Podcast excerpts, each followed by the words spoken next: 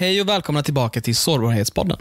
I dagens avsnitt så träffar vi Ahmad Eid, som är en av Sveriges bästa entreprenörer, som började från noll och med hårt slit byggt ett affärsimperium. Han började som dammsugsförsäljare tredje året på gymnasiet och lyckades slå ett säljarrekord, vilket sedan tog fart i hans karriär. I avsnittet berättar Ahmad om sin barndom och den främlingsfientligheten han ofta stöter på i vardagen och i arbetslivet på grund av sin invandrarbakgrund. Mer om det i avsnittet, så nu kör vi.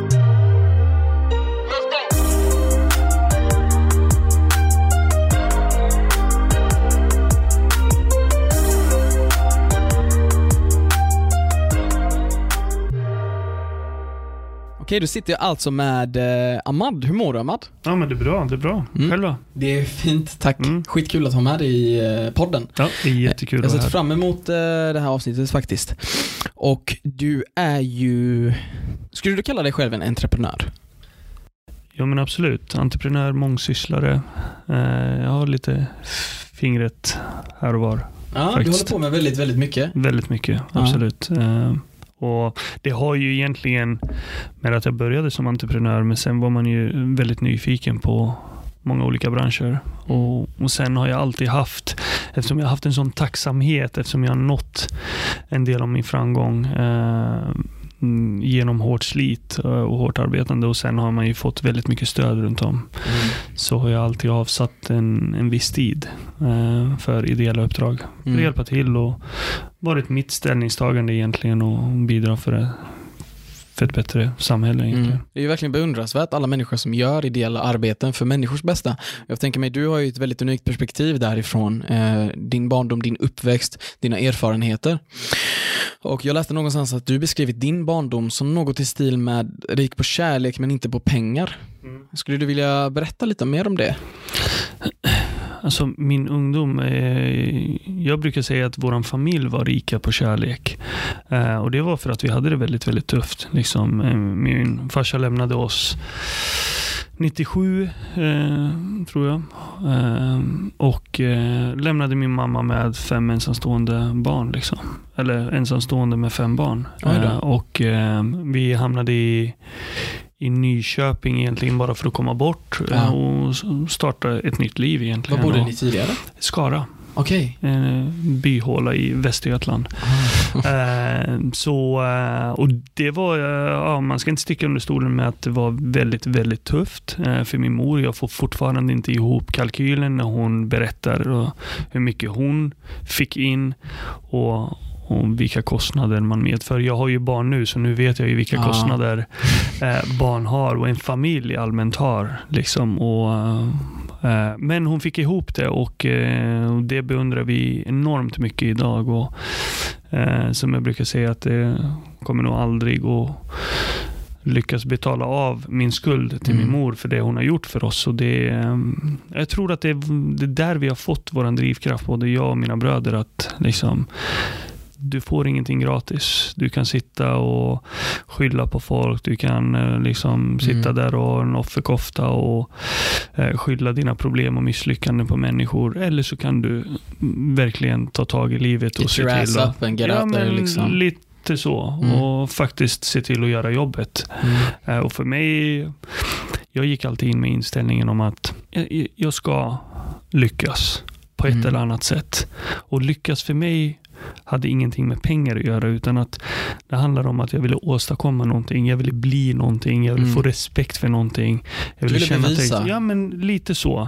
Eh, Så att för mig var det inte om jag skulle lyckas utan det handlade bara om när jag skulle lyckas. Hur lång tid det skulle ta. Om det skulle ta en månad, ett år eller tio år. Mm. Liksom. Jag var beredd att göra jobbet för jag hade ingenting att förlora. Precis. Eh, Så att, eh, och jag tror att det gjorde att eh, saker och ting blev mycket enklare. Det var mindre press och man gamblade otroligt mycket mer och eh, jag hade inga problem att jobba 14-15 timmar. Du hade ju en drivkraft och jag tror den drivkraften kommer väldigt mycket från att du ville göra gott för din mamma. Absolut. Mamma som kämpade så mycket liksom med fem barn, hon var ensamstående. Jag tror det, det är en jättefråga som du verkligen har där. Mm, jo, men absolut. Och ansvaret kom ju när min bror valde att plugga på universitet. Flyttade till Luleå. Liksom, det var, var 10-12 timmar. eh, ifrån oss. Eh, och då blev det så att han var ju tryggheten för oss. Eh, liksom pappan i huset. Och, Just han var den äldsta sonen. Ja, men han var ju Exakt. storebrorsan. Liksom, så att allt som hände, det var... Ja, man, man hittade alltid tryggheten hos honom. Och, och den tryggheten skulle jag då ärva.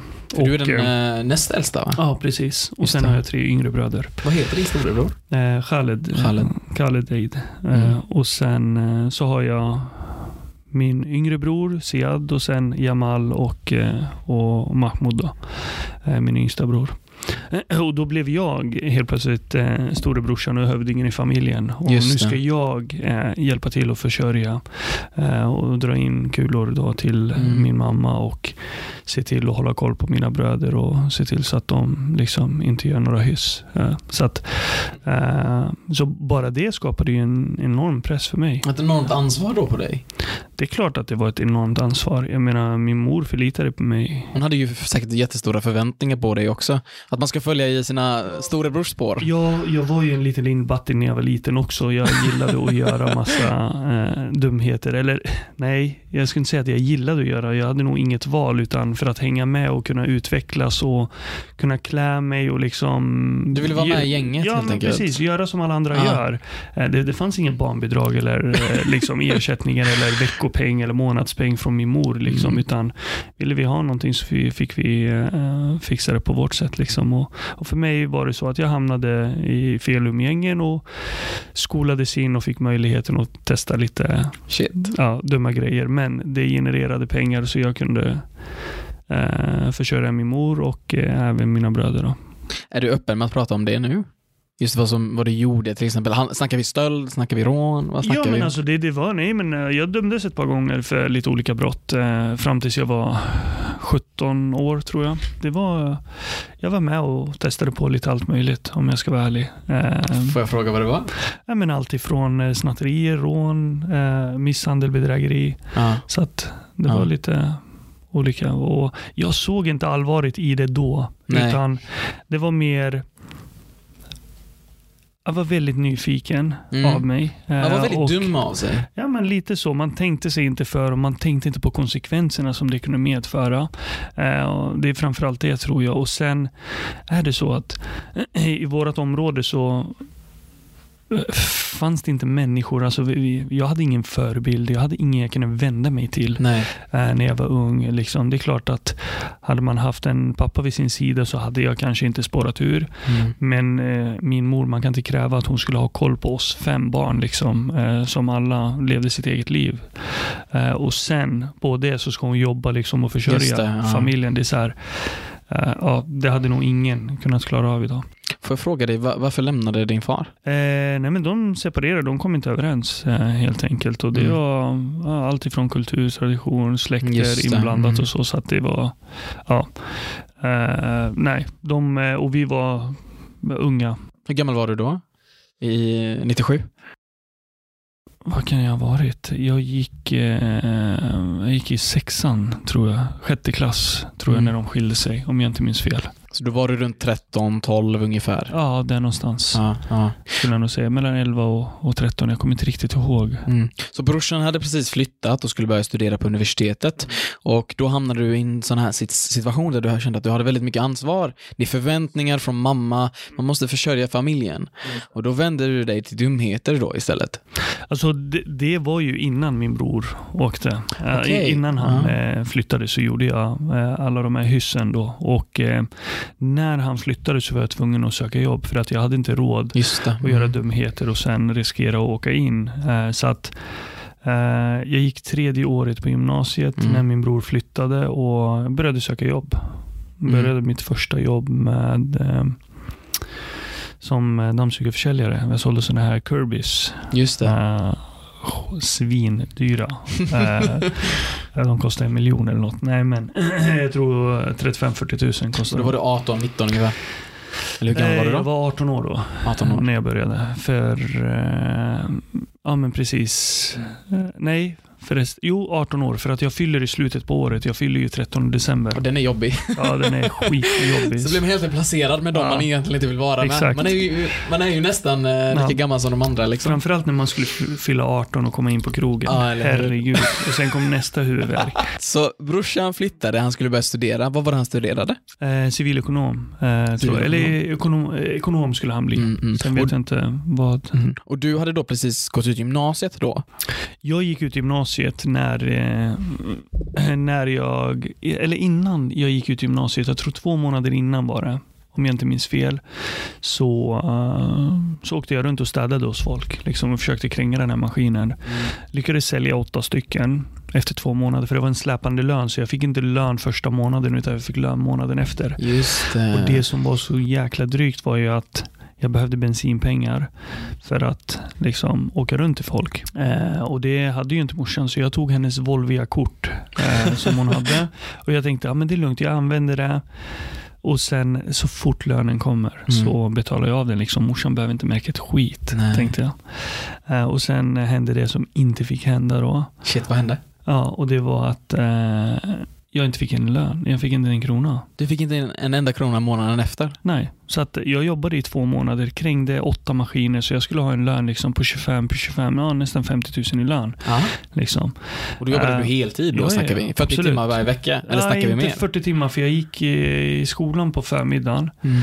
Eh, och sen, för folk ska ju komma hem innan. Eh, så de kom hem typ vid 4-5 tiden och det var då man fick börja. Så du gick och knackade då på varje dörr, sålde Ja, dammsugare? ja, och ibland så ringde jag och bokade möten innan, liksom att jag kommer. var och det så, så, provision också för varje du sålde? ja, det var bara provision.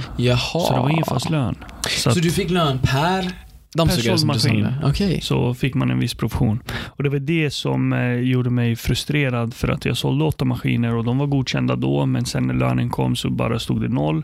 Vad hände då? Eh, men de gick inte igenom krediten. Så hur tog mamma det här? Jag, jag sa faktiskt ingenting.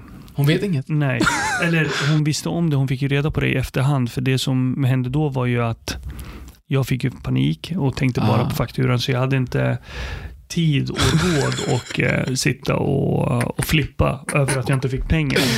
Och sitta och jaga dem för att jag ska få betalt. Utan för mig var det bara ut och söka jobb igen. Se till att hitta så mycket pengar som möjligt så att du kan betala fakturan. Ja. Jag kan tänka mig situationen där, paniken du vet. det var fruktansvärt. Hur, många, hur Och- mycket pengar var det? Nej, det var inte så mycket. 6 000, Ja. ja, mellan 6 000 och 6 800 där någonstans. Det var under Mm. 7 000 kronor. Jag kan tänka mig när man är 18-19 år och det är liksom mammas pengar. Vi snackar 6-7 tusen. Ja, ja, alltså det, min mamma hade inte råd att betala den fakturan. Det fanns inte på kartan. Eh, så att det som hände var ju att jag började... Eh, jag var alltid kvar hemma så fort posten kom. När den fakturan kom så rev jag den och kastade den. Och, och den Ah. gick till inkasso, den gick till Kronofogden och morsan förstod ingenting. Eh, när min morsa fick reda på det var när hon skulle byta lägenhet. Okej. till en större lägenhet. Eller förlåt, till en mindre lägenhet eftersom vi flyttade ut. Då, då fick hon avslag Nej. för att hon har en anmärkning hos Kronofogden. Och då ringde hon mig och bara Ja, de här idioterna säger att jag har anmärkning på Kronofogden och jag har inte tagit någon lån eller något lån och bla bla bla. Och då kände jag shit, nu måste jag berätta. Okej, så här ligger det till. Så att, eh, men det löste sig efter några månader för att jag fick ett jobb Ja. Eh, och jag fick en, eh, en bra inkomst. Det var då jag började som telefonförsäljare. Då. Mm, mm, Och, eh, och då kunde jag stå som borgenär för lägenheten. mm. Så då stod vi båda på hennes lägenhet. Då tog du Eh, ansvar för det, för det var mycket lättare då. Ja, men precis. Ja. Eh, Ja. Och, då, och då gick det. Eftersom jag hade en inkomst och kunde hoppa in som borgenär. Mm. Så då fick hon lägenheten i alla fall. Men eh, ja, Vilken historia alltså, vilken panik. Jag kan känna igen mig i det. Men om vi spolar tillbaka lite till det här, du hade precis gått ut gymnasiet och började jobba lite mer. Hur, hur var det under din uppväxt? Vad hade dina föräldrar för förväntningar på dig och dina syskon? Hade ni höga krav och förväntningar att leva upp till? Jag ska vara ärlig. Ja, alltså kulturen säger ju så. Eh, Min storebror var ju guldkornet i familjen. Eh, Det var ju världens fest liksom när han kom in i universitetet. Mm. Det är mer, ja, för oss i våra länder är det ju så. Det är ju, universitetet är the shit liksom. Du kan jobba som Slutmålet, Ja, eller hur? men lite så. Du kan jobba som bankman och ha värsta jobbet med ja, värsta lönen mer eller mindre. Men, eh, och, och säga att du inte har en, eh, en examen eller gått till universitet. Det är så här, Det är värsta skamfullt Ja, alltså. men det, är- det blir så. Det är liksom, okej, ja men då har du inte fyllt väskan. Liksom. Och det är så här, på den tiden skulle du gifta dig i Mellanöstern. Mm. Skulle du åka och fråga efter någonstans och träffa en, en tjej som du vill gifta dig med och sen gå till hennes pappa och säga att du, jag vill gifta dig med din, med din dotter. Alltså Ah. bara en sån grej. Det första han frågar dig är, okej, har du gått skolan? Ja. Har du universitetsutbildning eller har du någon examen? Har du någonting liksom som du har fått från skoltiden? Det är som att det är ditt betyg på ditt egna Ja, värde, det, eller det hur? blir lite så. Han frågar inte hur mycket du, vad du har för jobb, vad du har för inkomst, utan det första han frågar, Nu är det inte hur många får, nu är det om du har en shahada, alltså en, en universitetsexamen. och nu har det blivit så här omvänt, så nu får du visa fram händerna liksom. Så han kollar så här, har du rena och klina och jättelena händer? Okej, det här är ingen hårt arbetande man, liksom bort. Oj. Har du slitna händer? Okej, det här är en krigare, liksom. Han genererar. Så att, Vi har ju väldigt mycket det i vår kultur, att det är väldigt mycket machokultur fixerat. inte bara machokultur, utan det är människorna runt omkring en Ja. som liksom pressar och det, det är eh, snarare dem du ska tillfredsställa än att tillfredsställa dig själv och din familj. Ja, det är väldigt mycket om stolthet också i våra familjer och traditioner. Den här generationen, så fort, God forbid, våra föräldrar lämnar oss, det är vi som kommer sätta den nya generationen, den nya kulturen. Det är Mm. vi som kommer vara de integrerade personerna i, i det svenska samhället. Så att man kommer se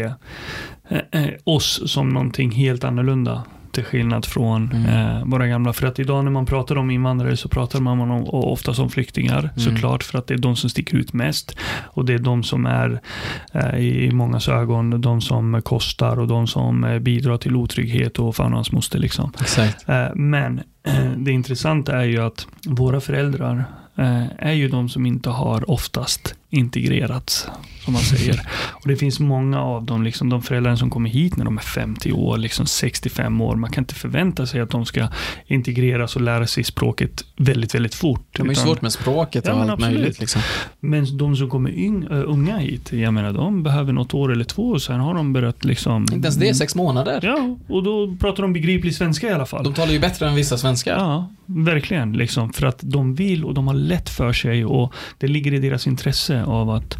Av och, att kämpa, eh, det är mer kämpaglöd i dem på något sätt. lite så. Man vill åstadkomma något. Man, vill, eh, man kommer till ett land där du helt plötsligt har rättigheter, där du har möjligheter, där du faktiskt är hörd. Där eh, ja, allt ifrån gratis skola, gratis sjukvård, du får äta i skolan. Alltså bara en sån grej. Liksom. Jag tror också, jag tror också det, förlåt, jag tror också det handlar om en fråga om överlevnad för de som kommer hit. Jag tror det och även pressen.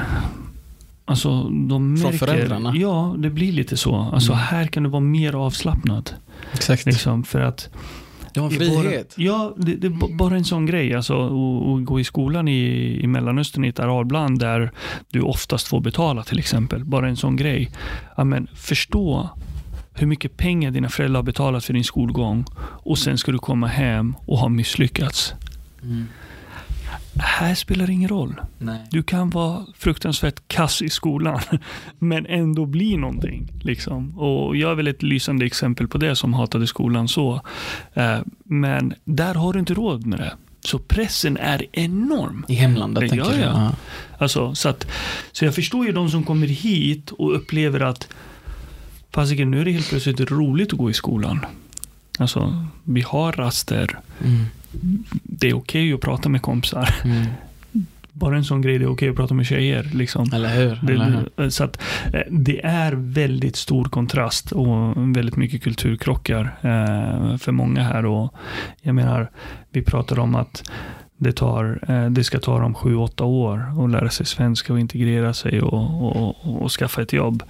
Men vi pratar sällan om att, ja, vad händer med de svenska som är födda i Sverige och har svenska föräldrar och har gått i skolan och vi har investerat i nästan 25 år på deras skolgång och lärt dem språket och lärt dem allt och de kan kulturen och traditionen och allting men ändå så väljer de att leva på bidrag istället för att gå ut i arbete. Du tänker alltså traditionellt svenska då? Ja, absolut. Mm. De, Mm. de är ju en jättestor skara. Jag kallar dem nu tv-spelsmänniskorna till exempel. så de som väljer att sitta hemma liksom och Mm. gamea än att gå ut i arbete. Och, och sen kan det bero av många anledningar. Det finns ju många eh, alltså i generation. Mm.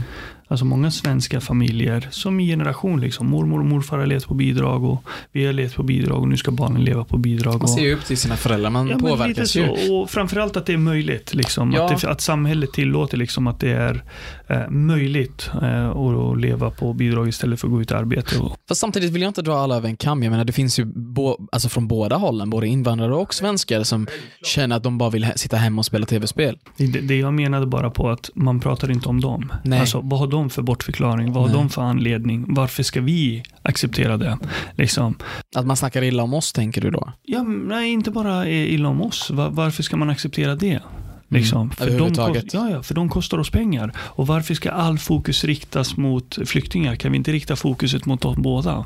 Alltså, för de personerna som är många, många tusen eh, i Sverige, eh, om inte tiotals tusen människor som lever på bidrag idag. Mm. Det är mycket enklare för oss att skola in dem och få in skatteintäkter på dem.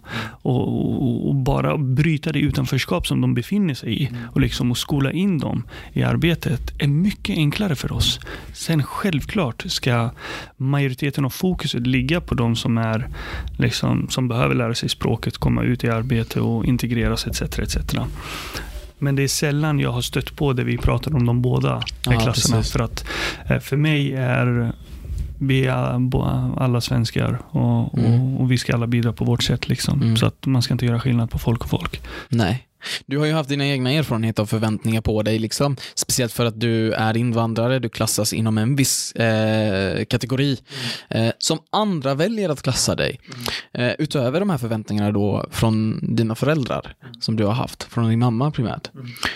Du har ju idag egna barn, kan du själv identifiera dig med dina föräldrar eller tänker du att du ska göra annorlunda med dina barn? Hade du varit okej med att dina barn inte tar en universitetsexamen?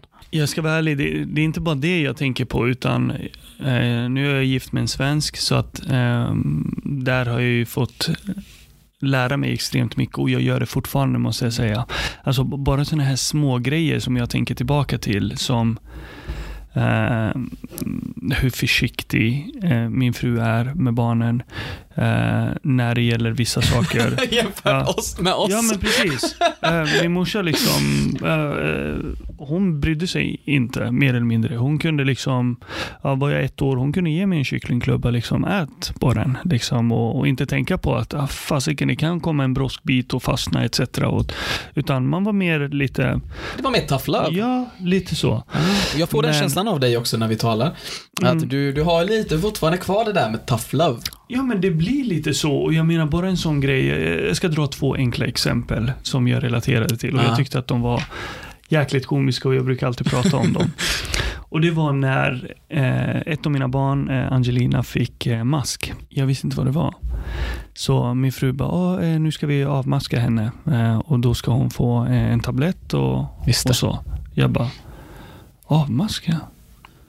liksom, vad, vad, vad menar du? Har hon mask? Jag bara, vadå, går det runt med Hon bara, ja, ja, det är jättevanligt. Det, är, liksom, det går runt på dagis och bla, bla, bla. Jag på, på dagis? Vad fan? Vadå, äter de den? Nej, nej, nej. Det, förstår du? Ja. Så att, och, och då visade hon på kvällen, så visade hon liksom med, med ficklampa. mm. Så hon bara, så här ser det ut. Och jag bara, åh, fy fan vad äckligt tänkte jag. Så hon bara, men det måste ju du ha haft. Jag bara, nej, jag har aldrig haft mask. Hon bara, jo, jo, alltså, alla har haft mask. Och då började jag tänka tillbaka. För att reaktionerna som min dotter fick, hur hon reagerade, var ju att det kliade och hon vred och vände sig och kunde inte sova på nätterna. Det var oroligt hela tiden. Och då började jag tänka tillbaka. Aha. Då hade jag mask. Vid de här tillfällena. Men min mor visste inte vad det var. Så hon bara, vad är det med dig? Kan du inte sova? Och jag gick runt och det bara kliade i rumpan. Det bara kliade, kliade, kliade. Då har jag gått runt och haft mask. Och det är så roligt. När jag berättade för min fru exakt min upplevelse när jag var eh, så ung så sa hon att ah, exakt, hon bara det är så det är. Liksom, det är symptomen för mask. Hon bara du har haft mask. Jag Din mor säger det då? nej, min, min fru Ja, din fru? Frida Ah. eh, säger det. Jag bara, men det, det kan inte stämma. Så hon bara, men jag, jag frågar. Så ringde hon min mor och så, så sa hon, eh, Kitam har, har Ahmad haft mask? Någon gång när han var liten. Nej, eh, min son, mina barn gick faktiskt i en fin skola så de hade inte mask. Va? Förstår, det var svaret mitt. Och då förstod Frida att hon bara, okej gud, hon vet inte vad mask är. Förstår du? Sen kom nästa grej och det var så här, det är också roligt eh, att- att prata om för att är ju sånt som Ja. liksom alla får, men sen har du en till grej och det är saker som alltså, sker på dagis Mm. liksom, eh, och förskola etc. Och det var löss. Det. bara, men Ja, så när min son Charlie fick löss så, ja, så frågade Frida mig då också. Så hon bara, eh, kommer du ihåg när du hade löss? Jag bara, "F- fast jag har inte haft löss. Hon bara, jo jo, alltså Alla har haft alla löss. haft löss. liksom. Jag bara, nej, jag har inte haft löss. Tror jag inte i alla fall. Men ring och fråga min morsa. Så ringer hon min mor och vad säger min mor då? Jo, nej eh, Frida, alltså, som jag sa till dig, mina barn gick i en fin skola så de har aldrig haft löss. Liksom, då, förstår, och det är det här som är Mm. kulturkrockar. Men för mig är det så här, nu vet jag vad mask är, nu vet jag vad löss är. Mm. Alltså bara en sån grej. Eh, allt ifrån lära sig eh, med barnen, göra läxorna med barnen, alltså leka med barnen, bara en sån grej. Liksom avsätta tid för varje barn. Mm. Det fanns inte under min uppväxt. Det var inte så att min mamma läste läxor med mig. Hon behövde hjälp med språket själv. Ska Mm. hon lära mig? Utan nej, det fanns ingen som kunde hjälpa mig med läxor. Alltså, bara en sån grej som att vad ska jag bli när jag blir stor? Standard för invandrare är ju du ska bli läkare, du ska bli Ingenjör. ingenjör, mohandes och alla sådana saker. Du vet, standardgrejer. Mm. Ja, men självklart ska jag bli doktor, liksom. Absolut. Det är så här. Men, och det är det här som skiljer oss lite med eh, folk som är uppväxta med svenska föräldrar eller föräldrar som har faktiskt eh, kommit hit när de var unga och lyckats komma ut i arbetslivet och ändå bildat sig en uppfattning om hur samhället fungerar. Så handlar det om att, okej, vad ska jag bli? Det första föräldrarna tänker på, okej, vart finns det mest arbete? Var finns det pengar? Ja, vart finns det mest arbete? Var finns det behov? Liksom, okej, ja, men det, hantverkarbranschen, programmerare, elektriker, du vet, byggare etc. Fordonstekniker, bla, bla, bla. Det är så branscher som är standard, alltid har ett Mm. behov och det är eh, massindustri liksom, eller en stor industri. Eh, då, då kan man åtminstone eh, vägleda, eller så kan man välja de här lite svårare utbildningarna som är lite långsiktigare om du ska bli läkare eller advokat Mm. eller jurist eller socionom etc. etc. Då är det det här. Men det är ju så här utifrån intresset, men bara att kunna ha den diskussionen Mm. existerade inte. Och det existerar inte för väldigt många invandrare. Till idag. exempel, jag vill inte studera på universitetet. Ja, men bara en sån grej. Ja. Det, det är så här, det är Det tabu. funkar inte i Nej, det är tabu. Det Det, är tabu. inte. Det är så här, eh, va? va? Va, vad ska du bli? Ska du vara misslyckad? Ska, Ska du bli vara en sogubbe? Ja, gatubarn. Ja. Det är precis vad de säger. Liksom. Ja. Du är en gatubarn. Och, och det var det som jag kände med min mor, att hon tappade hoppet om mig. Det enda hon sa varje kväll bara, "Eh, Gud, hjälp mig med honom. Gud, skona honom. Gud, förlåt honom. Liksom. Vägled honom, vägled honom. Det var det enda hon sa. Och det var det enda hon kunde säga för att hon förstod att liksom, hon kunde inte nå ut till mig. Hon visste inte vad hon kunde göra eller vad hon skulle göra. Hon, nej, hon kunde inte nå ut till mig. Mm. För att jag var väldigt immun då. Och det var för att, alltså vanligtvis så har du ju någon du ser upp till. Så att mina barn till exempel, jag brukar säga att de kommer ha världens bästa bollplank. Eh, Mm. Så när de är osäkra på något, när de vill ha svar på någonting, när de vill veta någonting så kommer de automatiskt att vända sig till mig eller till deras mor. För de vet att vi kan mycket. Mm. Men i det här fallet så var det inte så. För jag visste att min mamma inte var så integrerad. Hon kunde inte så mycket om samhället etc. Mm. Så jag kunde inte förvänta mig att jag ska få rätt rådgivning från henne. Och det är det här som är så skillnaden mellan att vara invandrare och nyanländ, flykting etc. Och, och ehm, kontra då en eh, traditionell svensk familj eller någon som är uppvuxen här och har levt här under en längre tid. Men- det är att här har du människor runt omkring dig Mm. som har varit ute i arbetslivet som kan ge dig tips och råd. Liksom, är det inte dina föräldrar så är det mormor, Du har morfar, är det möjligheter där du kan ta Ja, ja, men det är vara här, på. Liksom. Någon som åtminstone kan öppna dörrar eller vägleda dig. Bara tipset av vilken utbildning du ska välja eller vilket jobb du ska söka eller hur du skriver en ansökan. Alltså, det är så här, det underlättar. Det är inte avgörande men det underlättar enormt mycket. Mm. Och det är många som inte förstår Mm. riktigt. Att det blir alldeles för många eh, liksom, trappsteg Mm. upp innan vi kommer till samma nivå. Liksom. Men du har fortfarande inte besvarat min fråga. Du har fortfarande inte besvarat den. Om ditt barn hade sagt att de inte vill studera på universitet. Mm. Hade du, hur hade du reagerat? Hade du reagerat som dina, din mamma eller hade du varit mer öppen för förslaget? Jag ska vara ärlig. Nu i efterhand så har jag ju lärt mig att det spelar ingen roll vad jag säger och hur jag, jag reagerar. Så säg nu till exempel att det är klart att jag måste alltid promota en utbildning. Men eftersom jag själv har lyckats utan att ha en utbildning, utan att ha nästan alla godkända betyg i gymnasiet, så vet jag att det är inte avgörande.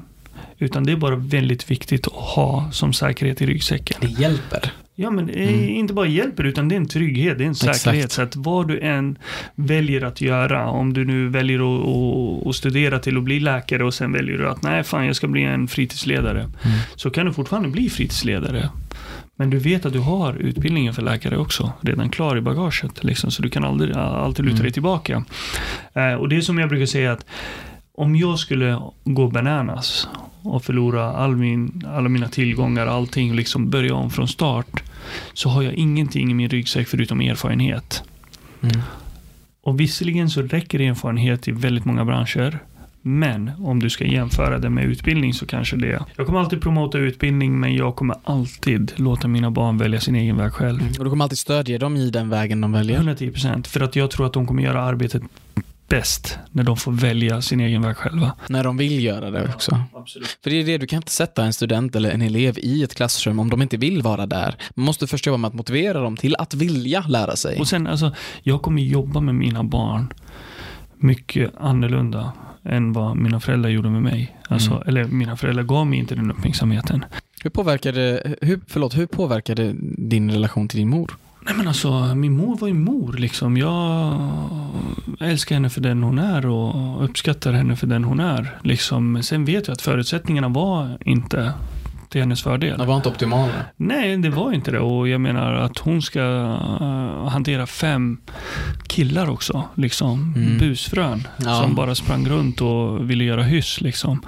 Ehm, och på det så ska hon fokusera på att lära sig språket, utbilda sig, komma ut i arbetslivet. Det är så här. Det var så alla oddsen var emot henne. Och det är fel och det är unfair liksom, att lägga skulden på henne. Mm. eh, och kräva att hon skulle bli en bättre mor.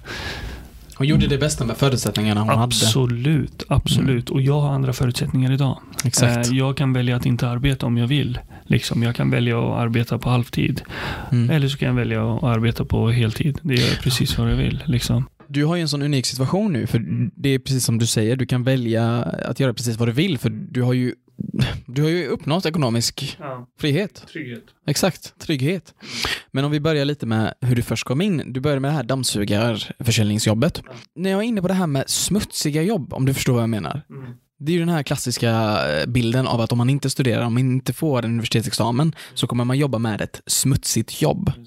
Hur var synen av din mor till exempel på det jobbet när du tog det? Jag ska vara ärlig, min morsa tyckte det var roligt. eh, för hon bara, du städar aldrig hemma och nu helt plötsligt ska du städa hos folk. det tyckte hon var jäkligt komiskt. Eh, men jag tror inte min mor la någon vikt i det överhuvudtaget. Utan för henne handlade det om att hur mycket drar du in till kassan liksom. Eh, Hjälpa till, liksom. Ja, men precis. Genererade pengar. För att som sagt, jag hade ett jobb innan det. Inom äldreboende och som personlig assistent och jag blev uppsagd. Eh, eller blev, fick kicken liksom på båda de jobben för att jag vägrade att och, ja, duscha de äldre och, Mhm. och, och torka och byta blöja och sådana saker. För att eh, ja, jag tyckte att det var... Ja, Det var svårt. Ja, men det var, det var svårt och jag hade utmaningar med det. liksom. Eh, så att, eh, och därav så beundrar jag människorna som jobbar med det nu. Och jag hoppas att när jag blir gammal och om jag nu skulle, God forbid, hamna i ett sånt ställe så hoppas jag verkligen att jag inte får ett, en skithög som mig själv som ska ta hand om mig. Utan jag hoppas jag får eh, hjältarna som jag brukar kalla dem. kändes det då att gå en, en väg liksom som kanske inte var enligt traditionen? Var det läskigt? Jäkligt, jäkligt roligt för det hände väldigt, väldigt fort i mitt liv. Alltså jag, eh, jag fick mitt första telefonsäljarjobb så eh, var det jag som tvingade på mig jobbet om jag ska vara ärlig. Jag fick inte Okej. jobbet eh, egentligen. Utan, nej men alltså det, jag, jag kom dit via ett bemanningsföretag och då eh, fick vi komma in i ett eh, konferensrum för att göra en lång historia kort och det var Nu skulle vi göra ett test. Så vi skulle sälja så här kapslar, skicka provpaket, äppelcidervinäger, fiskolja och Vi skulle omega-3. pitcha typ. Ja, typ. Ja. Eh, Köp det här provpaketet och sen ringer du och bara ser upp det. Eh, ringer du inte och ser upp det så ja, blir du bunden i ett abonnemang liksom. Eh, där du får de här hälso eller kosttillskotten varje månad liksom. Så att, och, och då gick de igenom produkten och sen kastade de ett test i handen på oss alla. och så bara, nu ska ni skriva det här testet. Och jag bara, damn, liksom, det här kommer inte gå bra. Jag är jättedålig på test. Och jag sumpade såklart. Eh, och, eh, men jag ville jättegärna jobba där. Det var cirka 100 personer som jobbade, där. många unga och jag kände fan vilken bra arbetsmiljö. Det här är verkligen som skolan. Det här skulle passa mig perfekt. Och då blev jag så besviken på att jag inte fick jobbet på grund av det här jäkla testet som jag föll på. Så det som hände var att eh, då gick jag in till chefen och sen sa jag till honom att ja, nu får du lyssna på mig här att eh, jag tycker inte jag har blivit rättvist bedömd. Liksom, eh, och utifrån eh, ett test bedöma mig som olämplig för det här jobbet, det är fan inte okej. Okay. Så ni måste ge mig en chans. Det här jobbet betyder väldigt mycket för mig. Det är dina ord du sa till chefen. ja, ja, ja. Och då sa han, han bara, ja det, det, jag tror du har hamnat fel, det, det är HR. Jag bara, jag vet inte vem den här HR är. liksom. Vem är han? Ja, precis. Vem är jag, han? Ja, jag är här för att du är högsta hönset. Om det är någon som kan ge mig jobbet så är det du typ. Eh, så jag bara, jag vill göra en deal med dig. Det är måndag idag. Eh, och jag skulle vilja erbjuda dig då att jag jobbar resten av veckan. Helt gratis. Du betalar mig inte en krona. Inga försäkringar, inga skyldigheter och inga risker överhuvudtaget.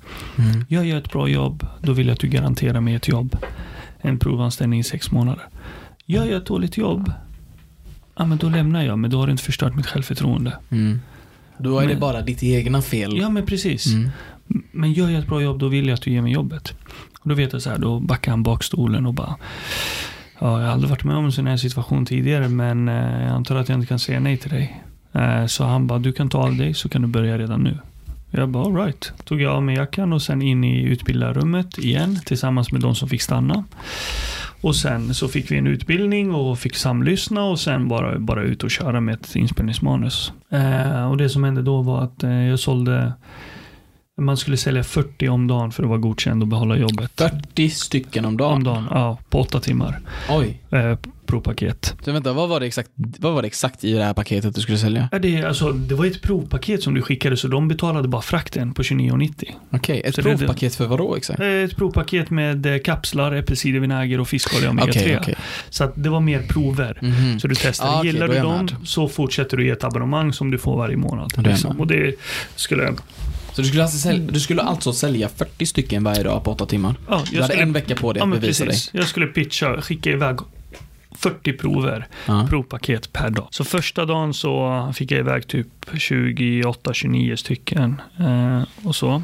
Andra dagen kom jag upp till 40, mellan 40-45 där någonstans. Sen gick jag hem, skrev världens jäkla manus, pluggade in det ordentligt och sen kom jag till jobbet. Jag tog inga raster, inga luncher eller någonting. Jag bara matade samtal, samtal, samtal, samtal.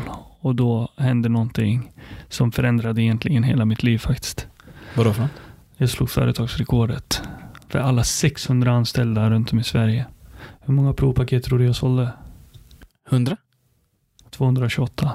Nej. På, ett, på en, en ja, dag? Alltså, det som hände var ju att ett provpaket är ju äppelcidervinäger Mm. och ett paket är ju omega-3. Så egentligen så sålde jag 100, vad blir det, 124 stycken. Men varje person fick två provpaket. Så han fick äppelcidervinäger och fiskolja Så du omega-3. körde en double liksom? Precis, ja för alla. Så du dubblade den? Precis, då blev det ju 228 sälj. Aha. Förstår du? Eh, för vissa bara, nej men jag ska inte ha uh, fiskolja omega-3, det är skitäckligt. Jag bara, men jag förstår, men det eh, förebygger hjärt och kärlsjukdomar och det är fan den bästa investeringen du kan göra för din kropp. Och bla, bla, bla. Är det inte värt 29,90 för hälsan? För att rädda livet? Du vet aldrig, det kanske är bra. Du. Man körde allt.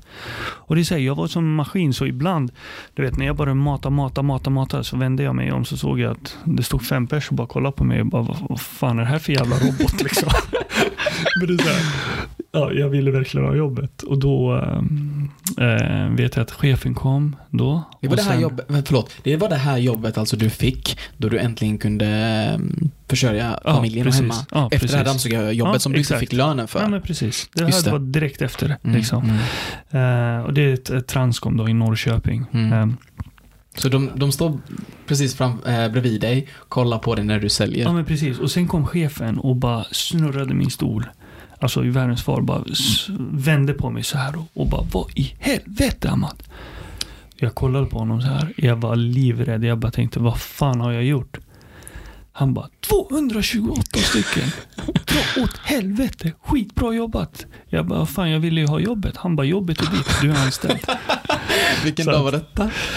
Oh, det här var 2000... Eh, Var det andra dagen på veckan eller var det tredje dagen av veckan? nej, jag blev anställd tredje dagen. Ah, eh, blev jag anställd och sen eh, skulle jag ha sex månaders anställning. Och då, eh, det var så roligt för då fick vi alla brickor Mm. när vi går in i, igenom det här säkerhetsdörrarna dörrarna och, och så. Och det så här, alla hade bilder, men jag hade ett nummer. Och det störde mig som fan. Så jag gick in till chefen och bara, hallå, varför får inte jag ha min bild? Varför har alla bilder och jag har Mm. ett jävla nummer som att jag är någon fånge liksom? Han bara, nej men det är för att du är provanställd. När man är fastanställd, då får man en- bild. Jag bara, "Ha, vad fan ska jag göra för att bli fastanställd då? Ja, det är egentligen sex månader och sen bestämmer vi, men fortsätt sälj som du gör och då, då, då är det klart. Jag bara, okej. Och sen fortsatte jag liksom. mm. Och körde på. Eh, Hur länge jobbade du där? Efter tre månader i alla fall så blev jag fastanställd. Efter tre månader så Efter fick du tre månader, jag, gjorde, jag slog företagsrekord, jag var årets säljare, eller Mm. månadens säljare och månadens, eh, den som drog in mest pengar till företaget. Och Vilket år var det här? Var det 2017? 2000, nej, 2005. Mm, 2005 tror jag det var. Just det, förlåt. Det var ett annat pris du fick 2017. Ja, absolut. Det var det Nej. jag tänkte på. Ja, Mm. nej, nej, det här var 2005. Det var Mm. när jag började. Mm. Eh, och sen eh, så skickade de mig faktiskt till eh, Barcelona efter sex månader. Okej. I deras kontor där borta? Ja, jag fick jobba på World Trade Center där i, i sex månader. Eh, och sen när jag kom tillbaka och då ja, ramlade eller då började telefonen ringa och då fick jag massa jobberbjudanden. Shit, shit. Och, så, så att, eh, ja, när jag var 20, ja, jag tror jag var 20 år, jag började tjäna löner på liksom 60-70 tusen i månaden. På säljjobb? Ja, Shit. så att jag, jag var väldigt duktig säljare och jag kommer ihåg första gången, eh, för att jag insåg ju väldigt fort att jag fick otroligt dålig lön på Transcom. Mm. Med tanke på den försäljningen jag gjorde så tjänade jag liksom 16-17 tusen i månaden netto. Och då när jag fick samtal från företag i Stockholm så sa de att eh, vi har hört att du gillar att prata netto. Du pratar inte brutto. Så vi pratar netto med dig nu. Du får 30 000 netto för att jobba om du kan leverera som du gör här. Mm. Netto betyder då efter skatt. Efter skatt, precis. Jag bara, va? Jag bara, så jag jobbar för Transcom som ägs av Kinnevik. Om de inte kan betala mig de lönerna, hur fan kan ni betala mig de lönerna? De bara, säg inte upp dig, ta tjänstledigt och kom hit. och sen testar du. Så testade jag jobbet och, och då tyckte jag att det var skitroligt. Och det var på Telenor då, eller Vodafone som det hette då. Och sen eh, började jag där. Och sen Och byggde upp det alltså? Ja, men det gick väldigt bra. Men det, jag var inte där så länge, utan jag tror jag var där i 6-7 månader och sen slog jag Mm. ihop mig med tre andra väldigt duktiga säljare. Och det var vi som startade då eh, ett företag tillsammans. Vårt för, första företag. Det var alltså det första företaget. Vad hette Ja. det? Eh, det hette Mobildirekt Sverige. Mm. Var första företaget. Så du var du och två andra säljare. Ni tänkte fan det här kan vi göra själva Ja. liksom. Vi var ändå så framgångsrika. Ja, Och hur gick det för er nu i början? och vi växte väldigt, väldigt fort. Ja. Eh, vi var ju så jäkla sköna som personer, så många tyckte om oss. Och Var ni alla sen- utländska? Ja, Mm. Eh, Så det var en eritrean eh, och eh, en palestinier från Uppsala. Eh, Eritrean från Stockholm och sen palestinier från Uppsala. Mm. Eh, Och sen jag då. Eh, Många från olika förorter liksom och, och taskig bakgrund skulle jag Mm. nog säga. Mm. Eh, Men det intressanta var ju att eh, vi var väldigt duktiga säljare själva så vi började ju sälja själva och byggde upp företaget och sen ringde kompisar som har jobbat tillsammans med oss och bara, fan kan inte jag få hoppa in? Jag vill Mm. gärna jobba med er. Och vi bara, men okej, kom du. Och sen bara blev vi större och större. Så jag tror efter två månader så hade vi typ 40 säljare redan då. Men kändes inte det väldigt läskigt att starta upp ett eget företag? Alltså väldigt sårbart. Ja, men det var inte så dramatiskt. Det är det som är så roligt för att vi gjorde alla misstagen då. Det enda som räddade oss från alla misstag som vi gjorde, det var att vi gjorde pengar. Så vi kunde alltid betala för alla fel vi gjorde. Mm. Alltså vi blev, vi kunde inte driva företag. Vi var inga företagare och vi var inga entreprenörer. Vi visste inte hur man kunde sköta varken deklarationer eller momsrapporter etc. Utan vi betalade byråer som gjorde det åt oss. Så mer eller mindre så signade vi bara papper.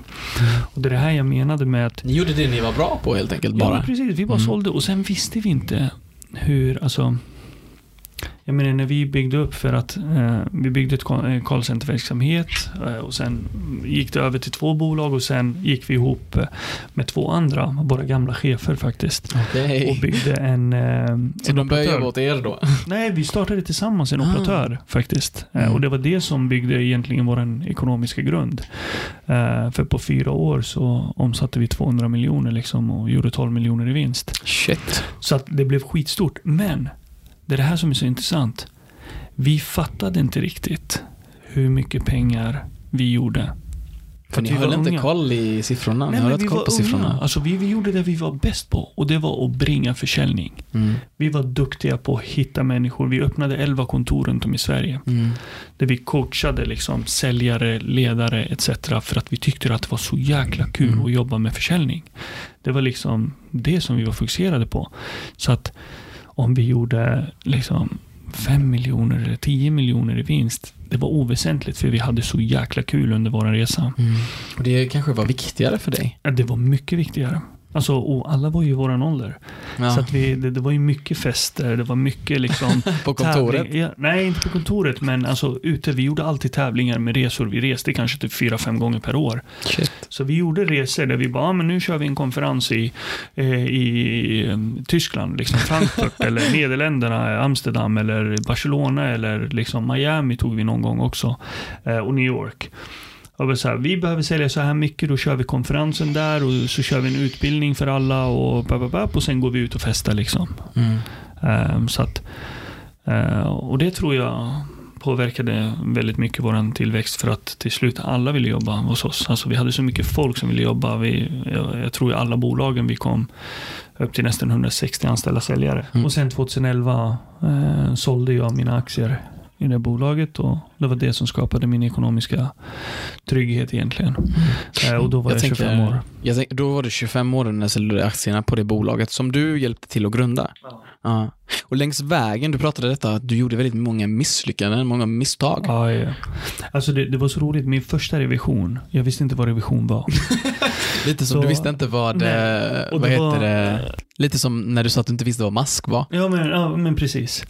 Eh, och det var ett bolag som jag hade, ett litet bolag, eh, Det jag fakturerade var typ en halv miljon per år bara. Konsultbolag. konsult, liksom, bolag. Eh, Sweden Net Sales heter det. Och sen får jag en revision. Så kommer Skatteverket till kontoret. Och jag tror att de gör ett studiebesök typ.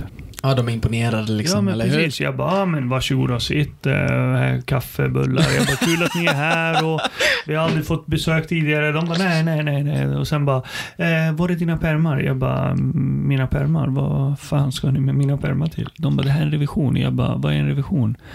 De bara, men herregud, vet du inte vad en revision är? Jag bara, nej, jag vet inte vad en revision är. Men du kan ju berätta för mig. Du sitter ju ändå här liksom.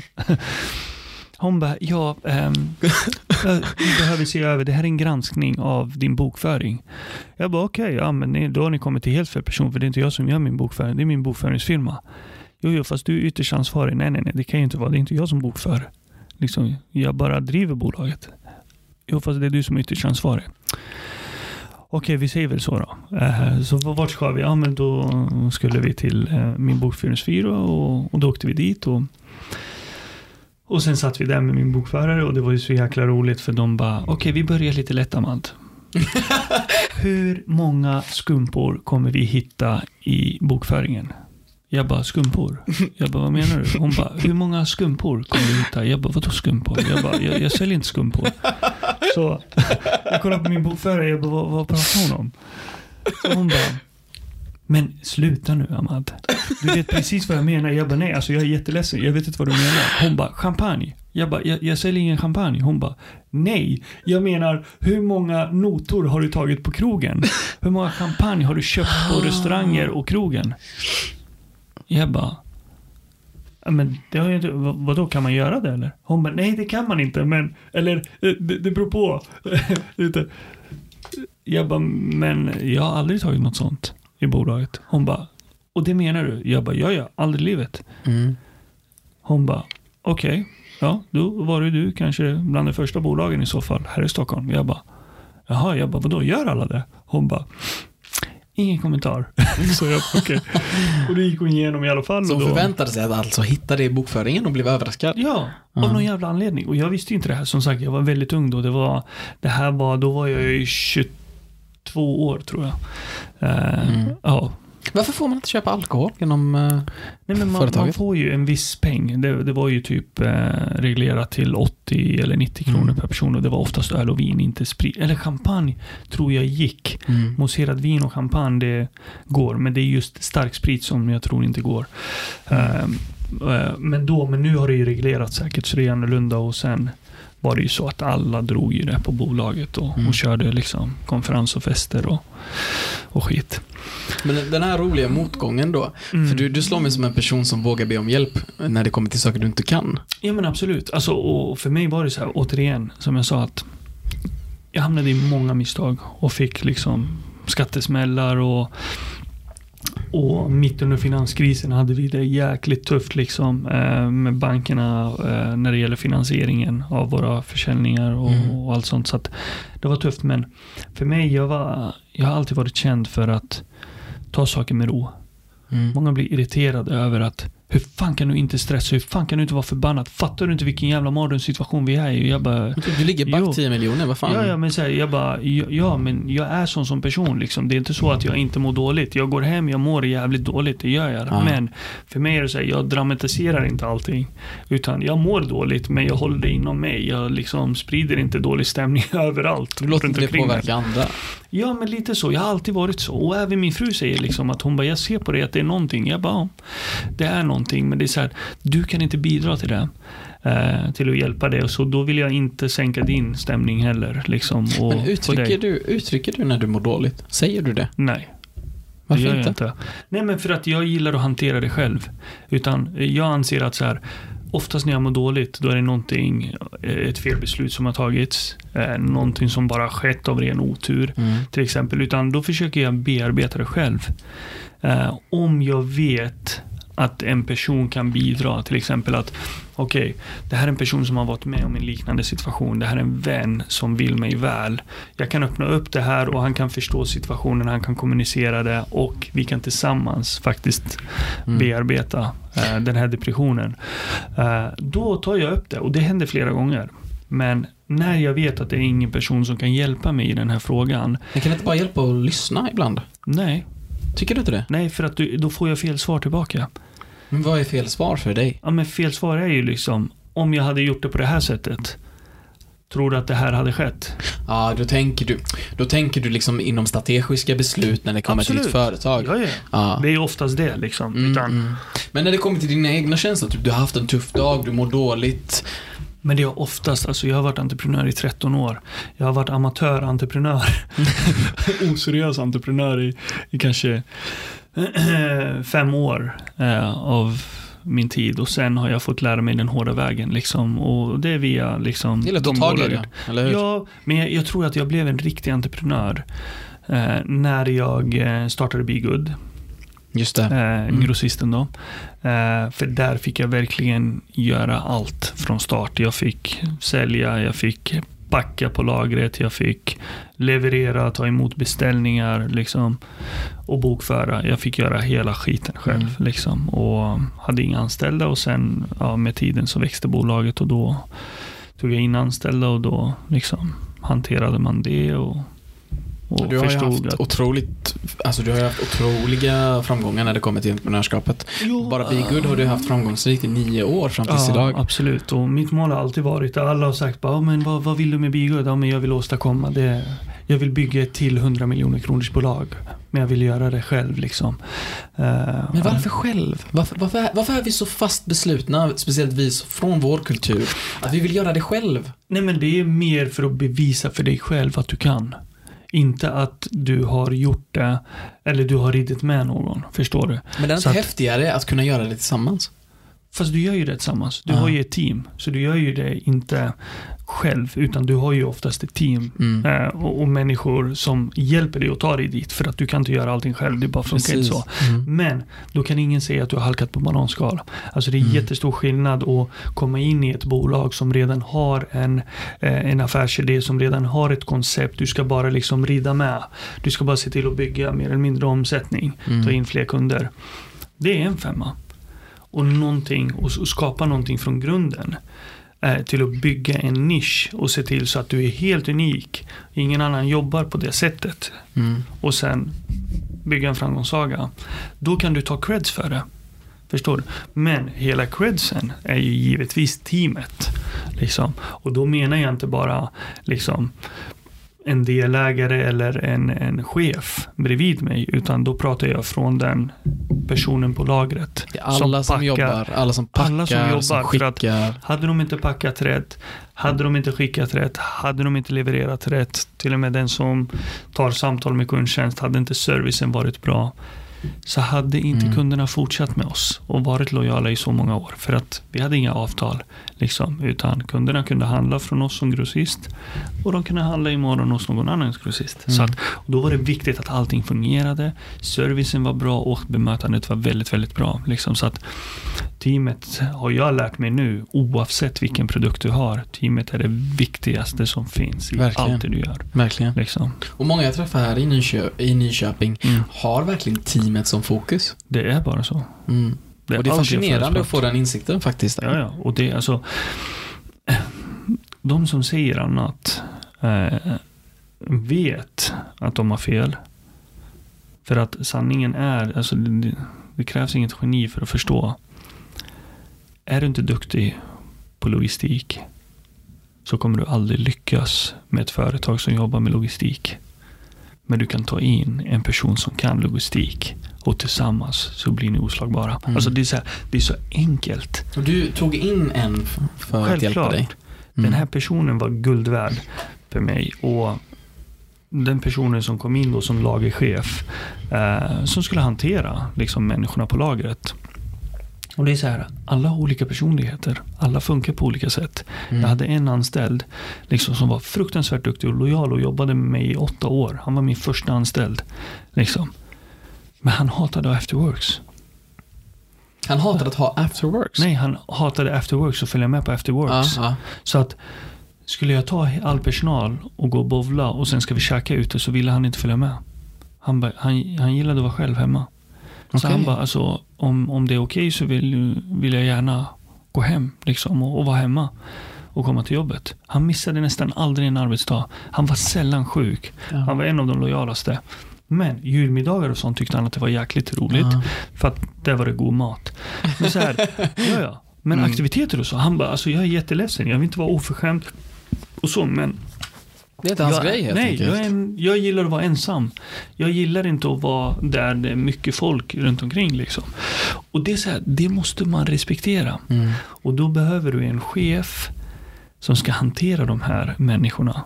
Liksom, se till att liksom komma ner på deras nivå Mm. och få dem att känna sig trygga och bekväma i den arbetsplatsen. För att har du en bra arbetsmiljö och folk kan känna sig trygga och, och jobba oavsett om det är ibland du måste vara hård och du måste säga ifrån och du måste liksom ehm, ja, Det bete handlar dig en balans som ja, ledare. men lite eller? så. Och ibland så kan du bete dig som ett svin, liksom, för att du har haft en dålig dag. Liksom. Men det viktiga är att de förstår att det är inget personligt mot dem. Att de förstår att du uppskattar deras arbete. Att de förstår att du värdesätter deras arbete. Och där ligger ansvaret på dig att vara tydlig. Bara på dig. Mm. Bara på dig som ledare. Mm. Liksom. Att du måste se till att beundra dem. Alltså om man underskattar att när du ger dina anställda creds, typ fan vad bra jobbat. Bara en sån grej, oavsett liksom, vad du tycker. Bara bra jobbat. Liksom en grej. Den sitter implementerad Mm. i bakhuvudet. Den försvinner inte. Den bara finns där och Mm. kommer alltid att finnas där. Bara en sån grej som när du hälsar och tittar på någon. Det är jättestor skillnad att bara gå in och bara Tjena man och bara babbla upp alla Och så namn. går man förbi bara Och så bara går man. Ja. Ändå bara ta en i hand och bara Hej, Mm. tjena Kalle, läget? Liksom, hur mår du? Det är bra. Liksom, du blir sedd. Alltså bara en sån grej. Och det finns jättemånga ledare som jobbar på det här sättet. Här i Nyköping också. Som jag har sett. Och jag iakttar sådana grejer. Mm. Alltså det är det första jag ser hos sådana personer. Liksom. Och det är så här, ledarskapet, ödmjukheten. Hur är de som personer? Hur mottagliga är de? Hur reagerar de på vissa situationer? Hur agerar de vid vissa situationer? Allt sånt här är jag väldigt intresserad av. För att det de inte vet är att när jag tittar så tittar jag för att lära också. Mm. Alltså det är för att du vill hitta saker Som, du, kan applicera i Ja, men ditt liv, i ditt ledarskap. Exakt. Ja. Liksom. Och det är så människan funkar. Men vad skiljer en bra ledare eh, från en chef? Vad skiljer en chef och ledare? Jag ska säga det. det- Egentligen så har det mycket med person att göra. Alltså du kan vara en bra ledare på många olika sätt. Beroende på vilken bransch du är inne i. Så för att problemet är att ibland så krävs det att du ska vara omtyckt ledare. Och ibland måste du nästan vara hatad för att folk ska göra ett bra jobb. Och när jag menar hatad, då menar jag inte hatad som person. Utan det blir mer att, okej, chefen har koll på mig. Mm. Så att gör jag inte ett bra jobb så vet chefen det. Och då blir det konsekvenser. Liksom. Och det kan vara i, inom produktion. Det kan vara inom eh, industri när det gäller liksom, maskiner, ansvarstagande etc. Liksom. Det, där det ligger otroligt mycket på dig som person. Eh, och, och, och då kan du inte skita i det. Till skillnad från att driva ett callcenter. Liksom, där du har människor runt omkring dig som ska svara och liksom, det enda du kan bli sur på är ju de som beter sig som arslen liksom, i telefon och, och Mm. oförskämda. Men annars så kan du styra dem precis hur du vill. Men sen är det ju så, ledare för 100 anställda och ledare för 10 anställda Det är är också skillnad jättestor skillnad. Alltså jättestor Och skillnad. du har ju fått testa på båda världar där. Absolut. Och det Ja. är ju så alltså att i slutändan så handlar det om att du ska vara hård men rättvis. Mm. Det viktiga är inte att du förstår det och du bevisar det för dig själv. Det viktiga är att människan säger det om dig. Alltså när personen har uppfattat att Omer ska pitcha dig och säga att du är hård men Mm. rättvis. Då har du lyckats. För det Mm. spelar ingen roll vad du tycker. Utan det är människan som ska döma dig. Precis. Alltså- För din åsikt spelar Ja, inte omvärlden. Nej, och det är Mm. därför liksom när folk säger action speak louder than words. Liksom, ja, men alltså ditt arbete, ditt arbetssätt, ditt ledarskap, ditt beteende, din personlighet, du som person. Det är det som kommer egentligen påvisa vad du faktiskt är för människa. Mm. Och det är det som människor kommer prata om dig om. Jag brukar se det att för att vara en chef är en fasad gentemot, alltså som jag ser det då, gentemot ett ledarskap påverkas mer av personligheten som människan har. Ledarskapet är byggt på personligheten medan chefrollen är mer byggd på en fasad. Alltså, vet, vet du, i, i slutändan så handlar det om intresse. Mm. Alltså, varför vill du vara ledare? Vad vill du åstadkomma som ledare? Alltså, alla har ju sina mål. Mm. Så att, och vara som ledare, så jag som egen företagare och ledare, jag har ett mål till exempel. Okej, jag vill bygga ett tryggt företag. Jag vill bygga ett vinstdrivande företag. Jag vill bygga ett hälsosam, hälsosammare företag. Ett klimatsmart företag eller vad, vad det nu kan vara. Liksom. Så har jag ett mål. Och så länge jag inser att jag inte kan göra hela jobbet själv, då är jag beroende av att ha rätt människor. Vad skiljer Okej. målet mellan chefen och ledaren? Vad har en chef för annorlunda mål? Jag ska vara ärlig, en, chef brukar säga ha arbetsuppgifter. Och har oftast eh, människor runt omkring sig som iakttar en. Så att du ska egentligen bara leverera. Eh, resultat. Ja, jag skulle nog säga att en chefstjänst är mycket resultatstyrt också. Men det är jättesvårt att säga skillnaden. Alltså en ledare vill ju åstadkomma saker. En ledare kan eh, vilja hitta lösningar på problem också. Mm. Eh, och se till att få liksom teamet och gänget och företaget till att bli en familj. Liksom att Mm. man ska jobba tillsammans och sträva efter samma mål. Och, Att man ser hela laget, hela... Ja, men det blir lite så. Och det, det kan en chef också göra. För det, det är jättesvårt att skilja dem åt. För att i slutändan så... En fin linje. Ja, Mm. alltså i slutändan så handlar det om personen och sen vilken bransch. För, för jag ska vara ärlig, jag har varit i olika branscher och beroende på vilken bransch du är, det är, det är utmaningar i alla branscher. Mm. Beroende på vilken bransch du är i. Alltså vissa branscher det är väldigt enkelt att vara ledare. Du kan få ut ditt budskap mycket, mycket enklare Mm. än andra branscher. Där det är väldigt utmanande. Det är liksom, där personalen liksom testas på helt andra villkor. Mm. Och eh, får jobba på helt andra sätt. Det är så intressant för du har hållit på med så många olika företag. Mm. Eh, nu Be Good efter nio år så har du Mm. sålt det. Mm. Eh, Får jag fråga varför och vad gör du nu istället? Jag kan säga att jag kände att jag hade gjort mitt. Alltså vi växte. Mitt mål var ju ett 100 miljoner kronors bolag och vi nådde det 2019. Vi slog 100 miljoner och jag kände att nu i efterhand så, så kände jag kanske att eller nu med coronatiderna så är jag Mm. jävligt nöjd. Såklart. Jag är jävligt glad att jag sålde. Eh, För att som sagt när Att du lyckades sälja det? Ja, ja men precis. Eh, För många av eh, träningsanläggningarna lägger ju ner nu och är väldigt försiktiga och de har inte så mycket tryck och, och så. Så det kommer ju göra att eh, omsättningen kommer gå ner och konsumtionen kommer inte vara lika hög som den är. Eh, eller har varit. Eh, men jag tror att eh, jag tror bara att jag jag hade gjort mitt Mm. och ville göra någonting annorlunda. Det var dags för nästa utmaning. Ja, men lite så. Jag kände bara så att nu har man implementerat det mesta.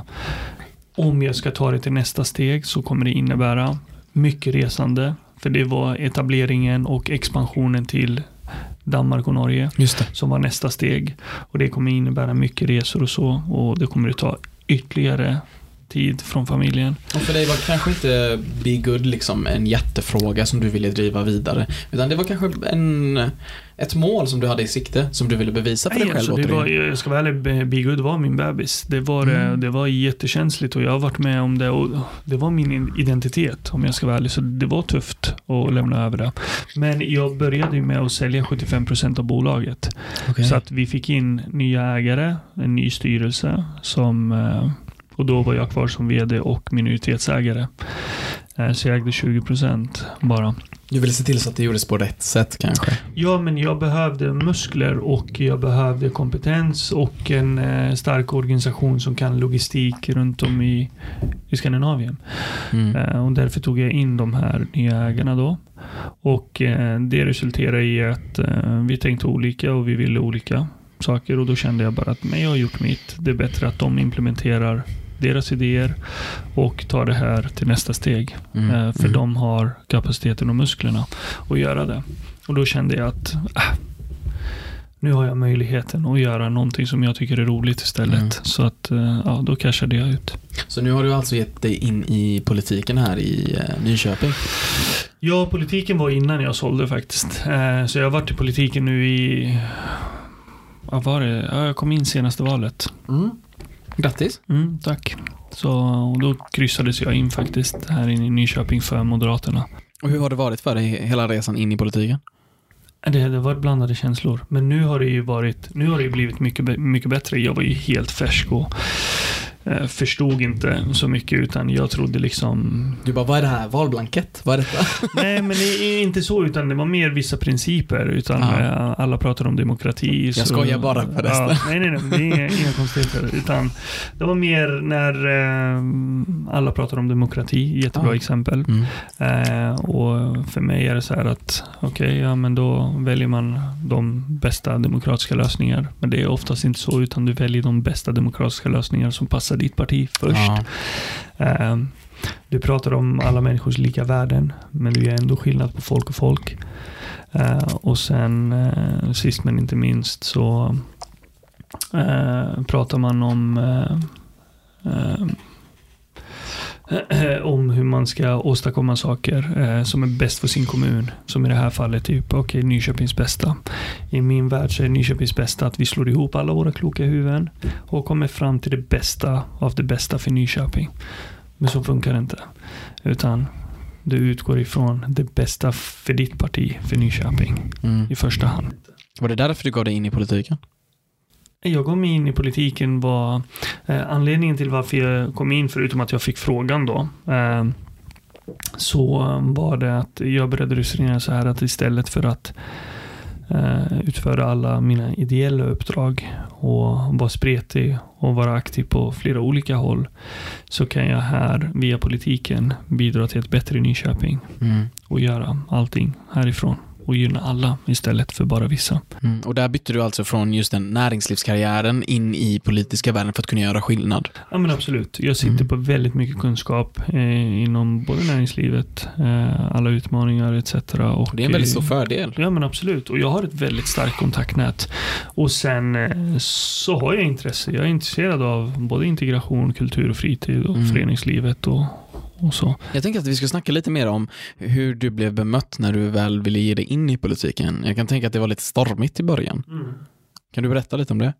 Jag varit förvånad. Alltså jag, har, jag har ju fått väldigt många utmärkelser, eller en del utmärkelser. Eh, så Eh, Eh, så, så jag har ett bra track record, jag har ett bra förtroende eh, från folket här i Nyköping och, och bara fått positiv feedback för allt jag har gjort. Liksom. Och, ja, där, där människor har beundrat mig och, och, tackat mig för mitt driv, min, liksom, mitt stöd och, och mitt bidrag. Liksom. Uh, och sen så kom de negativa sidorna fram som jag inte hade mött tidigare.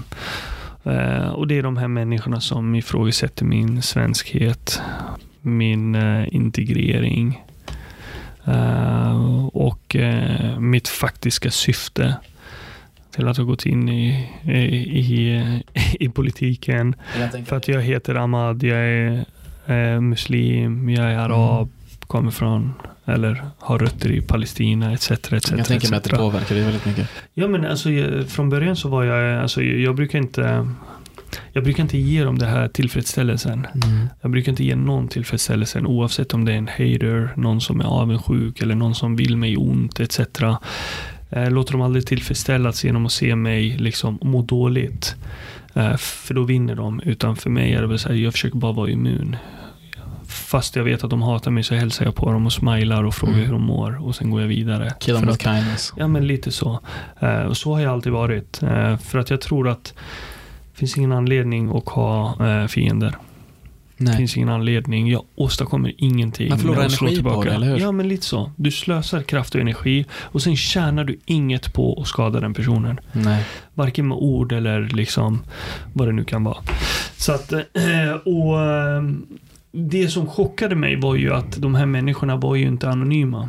Utan det här var ju offentliga människor som liksom med sina riktiga namn, profilbilder liksom kommenterar. För att det jag gjorde var att jag öppnade en eh, separat Facebook-sida Uh, den, uh, den heter Ahmad Eid, Moderaterna Nyköping. Liksom, mm. Som ska vara liksom, så jag kan skilja på privat och, um, och uh, politik. Då. Och det är för att jag, jag har väldigt mycket vänner och känner otroligt mycket folk. Och jag känner väldigt, väldigt många politiker från alla olika partier. Alltså, så att, och då kände jag bara att vill man följa min politiska karriär så kan man välja att följa mig här. Mm. Liksom. Och eh, vill man inte det så behöver man inte följa mig. Liksom. Så att, eh, och då kan du vara vän med mig liksom privat, men här pratar vi politik. Eh, och jag fick ju väldigt många följare väldigt fort. Jag tror 400-500 stycken som började följa direkt. På grund av ditt kontaktnät? Ja, som var intresserade tror jag. Mm. För att veta vad jag vill åstadkomma. Och sen ja, blev det Väldigt många påhopp såklart. Mm. Det var mycket fördomar kan jag tänka mig. Människor hade. Främlingsfientlighet. Ja, absolut. Och, och det var så här, många var ju nätroll också. Absolut. Ja. Så att, jag var ju immun och nu vet jag ju att Eh, vårat, eh, alltså Moderaterna i Nyköping agerade ju väldigt, väldigt fort där och eh, försökte stötta mig liksom och hjälpa mig att hantera och det var ju många eh, moderater som hoppade in och försvarade mig också, eh, givetvis. Men Eh, de såg det så allvarligare än vad jag såg det. För att för mig var det så här, ah, men det är nättroll liksom. Det är inte hela världen. Och de bara, nej det här har aldrig hänt tidigare liksom. Det här du är allvarligt. det här händer varje dag för dig? Ja men precis. Jag bara, det, det här är inte liksom något unikt. Eh, framförallt inte för en invandrare liksom. Det har inte hela min uppväxt. Ja men precis. Och det är så här, jag har varit med om människor som har hoppat på Mm. folk eh, som helst. Så att det, det är inte hela världen. Utan det kan jag hantera. Men, men de tyckte ändå att eh, situationen var allvarlig. Så det jag gjorde var att jag började blocka folk. Så jag tror jag blockade kanske 15-16 personer som inte fick skriva till mig och, och så. Mm. Eh, men sen jag tror det var bara första tiden. Sen när jag kom in och jag började agera och började synas mycket i media. Jag började ta för mig eh, både kommunfullmäktige och kommunstyrelsen. Och Mm. så insåg folk att äh, fan, jag kanske inte var så jävla tokig. Inte vet jag. Men... Han är ändå vettig tänkte de kanske? Ja, liksom. inte Eller vet jag. Någonting var det för att Mm. efter det så fick jag ingenting. Och hittills har jag faktiskt inte fått någonting. Sen är det ju såklart eh, politiker från andra partier som kritiserar mig, men det eh, kritiserar mig inte som person, utan det är väl så eftersom jag är moderat. Mm. Och, och det är klart, jag kritiserar dem, de kritiserar mig, så att det är väl spelets regler. Liksom. Så att det är inga konstigheter. Men jag tror att eh, jag har ju väldigt bra kontakt med alla partier och alla politiker Mm. och försöker att bibehålla en relation med alla oavsett om man är liksom vänsterpartist eller sverigedemokrat eller socialdemokrat. Jag vill veta vad, vilka människor jag har runt omkring mig. Liksom. Sen Vilket har laget är helt enkelt. Ja, men lite så. Sen har alla olika tänk. De tänker olika, de vill olika och de har olika åsikter om saker och ting. Och det får de jättegärna ha. Det spelar inte mig någon roll, liksom, för jag har mina åsikter och jag vet vad jag vill. Liksom. Och Det är Precis. viktiga. Du har haft en bl- ibland tuff uppväxt och även orättvisa motgångar i karriären. Skulle du säga att du tagit dig dit du är idag trots eller på grund av dessa motgångar? Det är klart att det har varit drivkraften också. Alltså motgångarna är ju vi hade det väldigt tufft ställt som jag berättade innan och för mig var det att jag, alltid velat åstadkomma någonting. Motbevisa otroligt många. Jag var ju som sagt väldigt dålig i skolan. Jag eh, älskade att, att vara i skolan, men jag gillade inte att gå på lektioner till exempel. Bara en sån grej. Så att många tror jag såg mig som ett som ett misslyckat barn. Eh, eller en person som inte kommer åstadkomma någonting i livet. Med all rätt. Jag hade nog tyckt samma om mig själv om jag hade gått i den skolan. För att det var liksom noll intresse från min sida när det handlade om studier. Utan jag älskar att vara i skolan bara och hänga på kaféet och umgås med vänner och så. Kände du att du fick en stämpel på dig? Jo, men det fick jag ju. Eh, och det var inte bara människorna i skolan utan det var även eh, mina vänners föräldrar till exempel som Mm. stämplade mig som liksom en bad guy. Ingen person man ska hänga med liksom egentligen. Mm. Så att jo, absolut. Hur känner du att just den här Alltså det, för det finns väldigt mycket främlingsfientlighet i Sverige, eller egentligen överallt finns det. Hur känner du att det har påverkat din barndom, uppväxt, karriär? Det- Alltså, det är klart att när man var ung så blev det lite ett... Eh, alltså alla fördomar och rasister och så. Man, jag tror inte man tog på allvar just ordet rasist. Utan man kallade folk hur som helst rasist. Bara om man inte fick det man ville. Liksom, så blev de rasister. Men sen fanns det ju de som verkligen ville dig ont. Eh, och jag tror när man kom upp i åldrarna, jag förstod det inte så mycket eller jag tog det inte på allvar när jag var ung. Men när jag kom upp i åldrarna, framförallt när jag blev företagare, så insåg jag wow, vi har inte kommit längre. Insåg jag väldigt fort faktiskt. Och man märkte själv, jag menar jag kan dra ett möte som jag var på. Eh, där vi kom in, eh, vi var fyra personer på mötet, jag var enda invandraren. Eller vi var fyra personer som kom till mötet. Och vi skulle träffa två andra personer, så vi var sex personer totalt. Och jag var enda invandraren där. Och istället för att fråga eller be alla om att presentera sig så de vi besökte så kollade den här äldre gubben på mig då. Eh, vad kan han ha varit i 60 år kanske? Mm. Äldre man. kollade han på mig och så sa han, ja, innan vi börjar så vill jag veta, vem är du och vad gör du här och vad är din berättelse? Jag bara, ursäkta? Han bara, vad är din historia? Vad gör du här liksom? Uh, yngst här inne uh, och annorlunda. Så vem är du? Och så här, jag hann inte reflektera över liksom, Sättet han sa ja, det. men precis. Och så här, liksom påhoppet. Utan det var mer efter mötet. Utan från början, jag bara, ja, ja, okej, okay, ja, det, jo, jag är Ahmad och jag är bla, bla, bla, och jag är vd för det här företaget och driver det här bolaget, bla, bla, bla. Det var under min amatörtid som entreprenör liksom. Men jag var där av en anledning. Jag var där för jag hade åstadkommit någonting och jag gör någonting som är rätt i alla fall. Annars hade jag inte suttit på det mötet och jag tror att det var det som han var nyfiken på. Vad fan gjorde du där? Liksom, vem var du? Liksom, snittåldern var 55 år liksom, och, och så kommer en ung Utländsk kille. Eh, ja, men precis. Var du den Eh, enda utländska killen? Ja, ja Ja. precis i sällskapet. Och då, eh, så, så jag tänkte inte mycket på det tills jag kom till hotellet. Så satt jag och bara tänkte, undrar om den här gubbe, fan exakt de orden. Undrar om den här gubben fan var rasist alltså. Han kanske inte gillar invandrare. Eller så var det för att jag var så ung. Ja. Inte vet jag liksom så här. Man visste inte hur man skulle döma.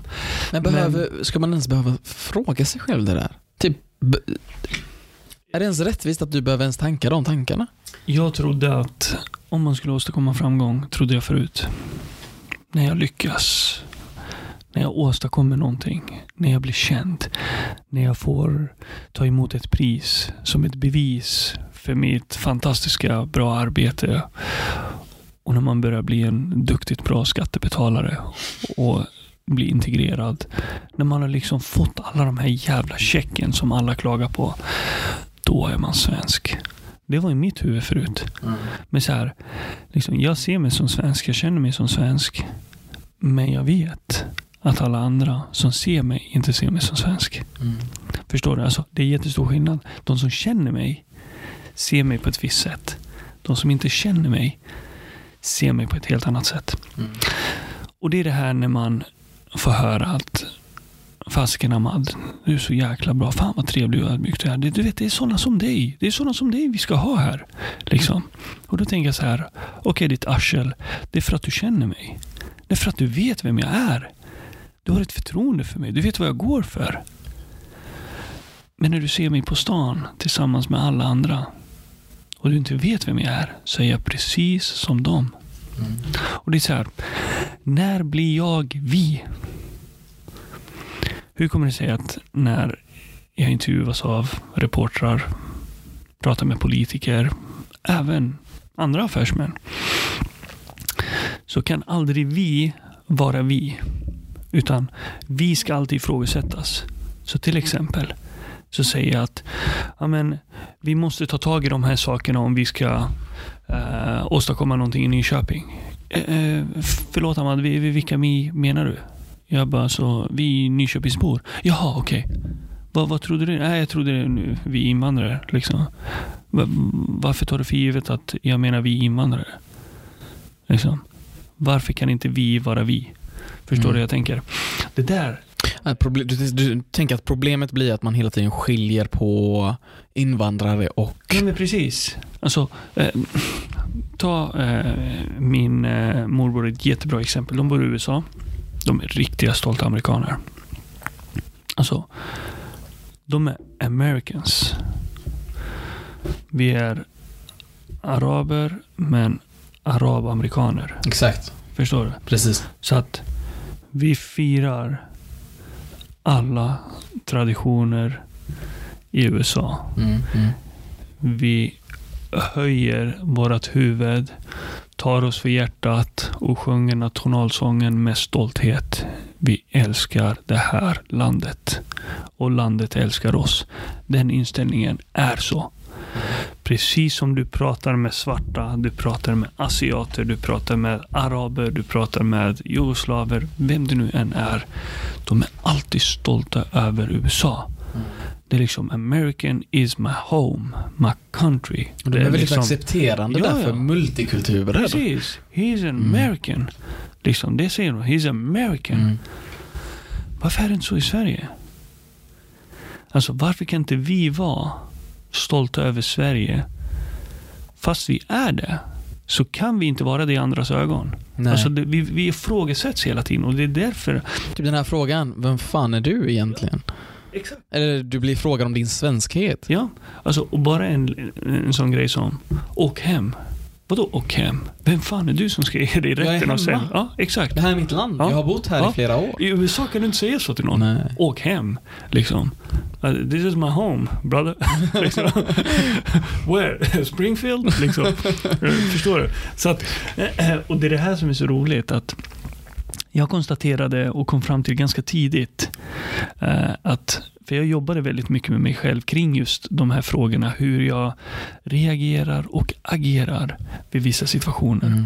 För det är egentligen det är det som jag tycker att vi är väldigt dåliga på, eh, som kommer från andra länder. Att vi tar saker för personligt och vi agerar fel som gör att skithuven får en bekräftelse på att de har haft rätt mer eller mindre. Så du känner... Ja. Ja men till exempel, ta en, eh, en som är främlingsfientlig Ja. och extrema fördomar. Så kommer man och säger att eh, Hörru din blatte, det, fan, ta inte på mig liksom. Du har säkert aids. Förstår du? Bara en sån grej. Och du kan agera på två olika sätt här. Du kan agera genom att flyga på honom och slå sönder honom. Misshandlar honom? Ja, Mm. misshandla honom. Eh, och bekräfta att du är ett jävla arsel. Precis Exakt. som han sa, Mm. mer eller mindre. Och säkert dömas och åka in. Liksom. Eller så kan du bara ignorera honom totalt. Och bara gå därifrån. Liksom. Vill du ta en diskussion och lägga tid på en person som kanske inte kommer att ändra sin åsikt och slösa dina 10-15 minuter på att förklara varför, att, varför han säger så och, och att du inte har aids, att du är en och jag lovar och jag kan testa mig och bla, bla, bla, bla, bla, bla, liksom. Absolut. Om du tror att det funkar, gör det. Eller så kan du bara säga Gracias amigo, kul. Tur för dig att vi inte behöver vara vänner, vi behöver inte känna varandra. Jag går min väg liksom. Mm. Mer eller mindre. Förstår du? Bara skita i. Bokstavligt talat. Skita i. Men känner du att vi med utländsk bakgrund har ett ansvar? Det är klart att vi har ett ansvar. Men vissa människor som jag brukar säga. Det är så här. Alltså liksom ett ansvar för, eh, för hur folk ser på invandrare. Jo men det är klart. Men alltså, det är det jag menar. Alltså, det, det, alltså, man måste se det, det är skillnad på folk och folk. Alltså, det finns de som jag brukar säga som förstör för oss invandrare och det är de som agerar på Mm. helt fel sätt. Liksom, och börjar liksom kasta skit och, och svära och, och flippa mer eller mindre. Mm. Med all rätt, de kanske har det för att de ändå blivit behandlade på fel sätt. Men det är så här, det är inte så du vinner fighten. Hur ska man bemöta människor med fördomar då? Nej men alltså, på riktigt. Man, man ska göra det med intelligens. Som jag gjorde med många fall. När någon eh, ifrågasatte min svenskhet till exempel inför politiken. Eh, då var det en äldre dam som bara, ah, men vad fan, eh, är du tillräckligt svensk då? För att kunna gå in i politiken och avgöra hur vårt samhälle ska utvecklas etc. etc. Jag bara, eh, ja, eh, jag har ingen aning om jag är tillräckligt svensk. Vad är liksom en bra, ordentlig och riktig svensk? Liksom? Kan du förklara för mig så kanske jag kan bedöma om jag faktiskt är en sån person och, och, och om jag är rätt person för jobbet. Utan jag uppvuxen i Sverige, jag kom hit när jag var fem år, jag har liksom gått skolan, jag kan språket, jag begriper mig på liksom hur samhället fungerar och arbetar och betalar skatt som alla andra liksom och, och försöker att och göra skillnad och bidra eh, till ett bättre Sverige. Liksom, det är vad jag är för person. Mm. Sen om jag har missat något så kanske du kan hjälpa mig att förklara det så kanske jag kan Du set her straight liksom. Ja, men lite så. Mm. Och det är så här, då tystar du henne. För då ska hon, för du lämnar bollen i hennes händer. Då ska hon hitta fel på dig. Och ofta så ska det vara någonting som hon själv besitter. Liksom. Så att det enda hon skulle kunna kasta på mig är möjligtvis, ja men äter du griskött? Nej, det gör vi här i Sverige. Liksom. Ja men förstår du? Det, liksom, det skulle bara bli eh, fel. Men det är typ sådana barnsliga Mm. grejer som man kan sluta med. Men så här, det här är ett sätt att vinna diskussioner.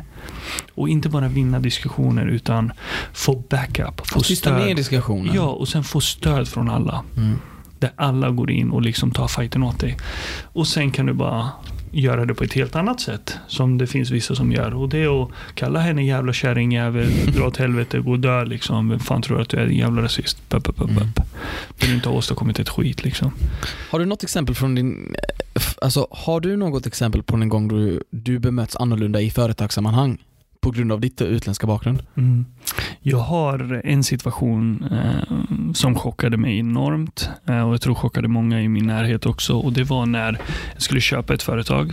Eh, det var ett generationsföretag så ägdes av en äldre man och en äldre kvinna. Eh, de hade precis gått i pension och hade drivit ett eh, anrikt bolag i närmare 30-35 år där någonstans och kände att de ville ha en bra person som skulle ta över och föra vidare varumärket. Liksom.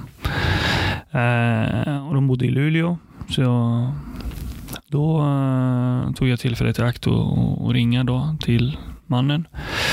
Och eh, presenterade mig och eh, berättade vem jag var och att jag var intresserad av företaget. och Det resulterade i att vi pratade i närmare två timmar i telefon. Eh, och jag citerar nu. Fasiken, du är så jäkla bra. Och vi klickade verkligen. Så nu har jag redan bestämt mig. Du är den som ska köpa mitt företag. Ingen annan. Så jag kommer blunda för alla bud jag har fått. Utan du är så jäkla bra. Så att det är du som ska föra det här vidare, eh, bolaget vidare. Tack. Eh, det värmer. Dina ord värmer. Ja, jag vet inte vad jag ska säga, men ödmjukt tack. Det här känns jättebra. Jag gör så att eh, jag bokar ett flyg det första jag gör nu och, och sen flyger jag upp till er eh, imorgon och sen så ser vi till att sy ihop den här affären. Ja, men det låter jättebra. Och sen la vi på. Sen eh, kom jag på efter kanske en timme eller någonting att fasiken, jag kanske ska fråga efter inventarielistan så att jag vet vilka maskiner de har etc. Där om det finns möjlighet att få ner dem för att jag vill ju flytta hela företaget givetvis till Nyköping då där produktionen skulle ske här. Och Då vill jag veta, liksom, ska jag ta med mig maskinen eller ska man sälja dem där och, och vad är det för värde i dem etc. etc. Så då slog jag över ett mejl och sa hej och tack för ett bra samtal. Jag tänkte bara höra med dig eh, om du har möjlighet att skicka inventarielistan så att jag kan se vad det finns eh, för möjlighet att få, ja, vilka maskiner som har möjlighet att komma ner till Nyköping och, och vilka som jag måste kanske sälja eh, som jag inte har någon nytta av och sen hur gamla de är etc. Bara så jag kan få bedöma den delen. Och sen skickar jag. Och sen går det några 15-20 minuter och sen får jag ett svar tillbaka. Vem fan är du? Står det bara. Alltså helt sjukt. Ja, jag blev helt ställd först. Jag bara, han måste ha skickat fel. Så jag bara, jag ringer honom istället. Så då ringde jag honom och då svarade han. Jag bara, hej, det är Ahmad. Vad sa du att du hette? Jag bara, Ahmad. Hette inte du Adam? Jag bara, nej, jag heter Ahmad. Så du är inte svensk? Jag bara, alltså jag uppvuxen i Sverige och jag är svensk medborgare så jo, jag är väl svensk. Men om du syftar på om jag har andra rötter så ja, jag är invandrare och eh, mina föräldrar kommer från Palestina så jag har rötter från Palestina. Då är du inte svensk. Ja. Nej, du, eh, enkelt, eh, kort och gott. Eh, du kan glömma att köpa det här företaget. Jag kommer inte att sälja det här företaget till någon jävla svartskalle. Tack och hej, schmack. Och så la han på.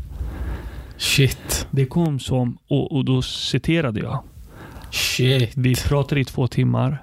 Hans ord, vi klickade. Det här känns så jäkla bra. Hur kan man vara så äcklig? Jag ska vara ärlig, jag varit väldigt ställd och det tog några dagar innan jag kunde smälta det. Och jag pratade med dels mina kollegor och även en av delägarna som är svensk då, som skulle vara med mig eh, i, i det här köpet.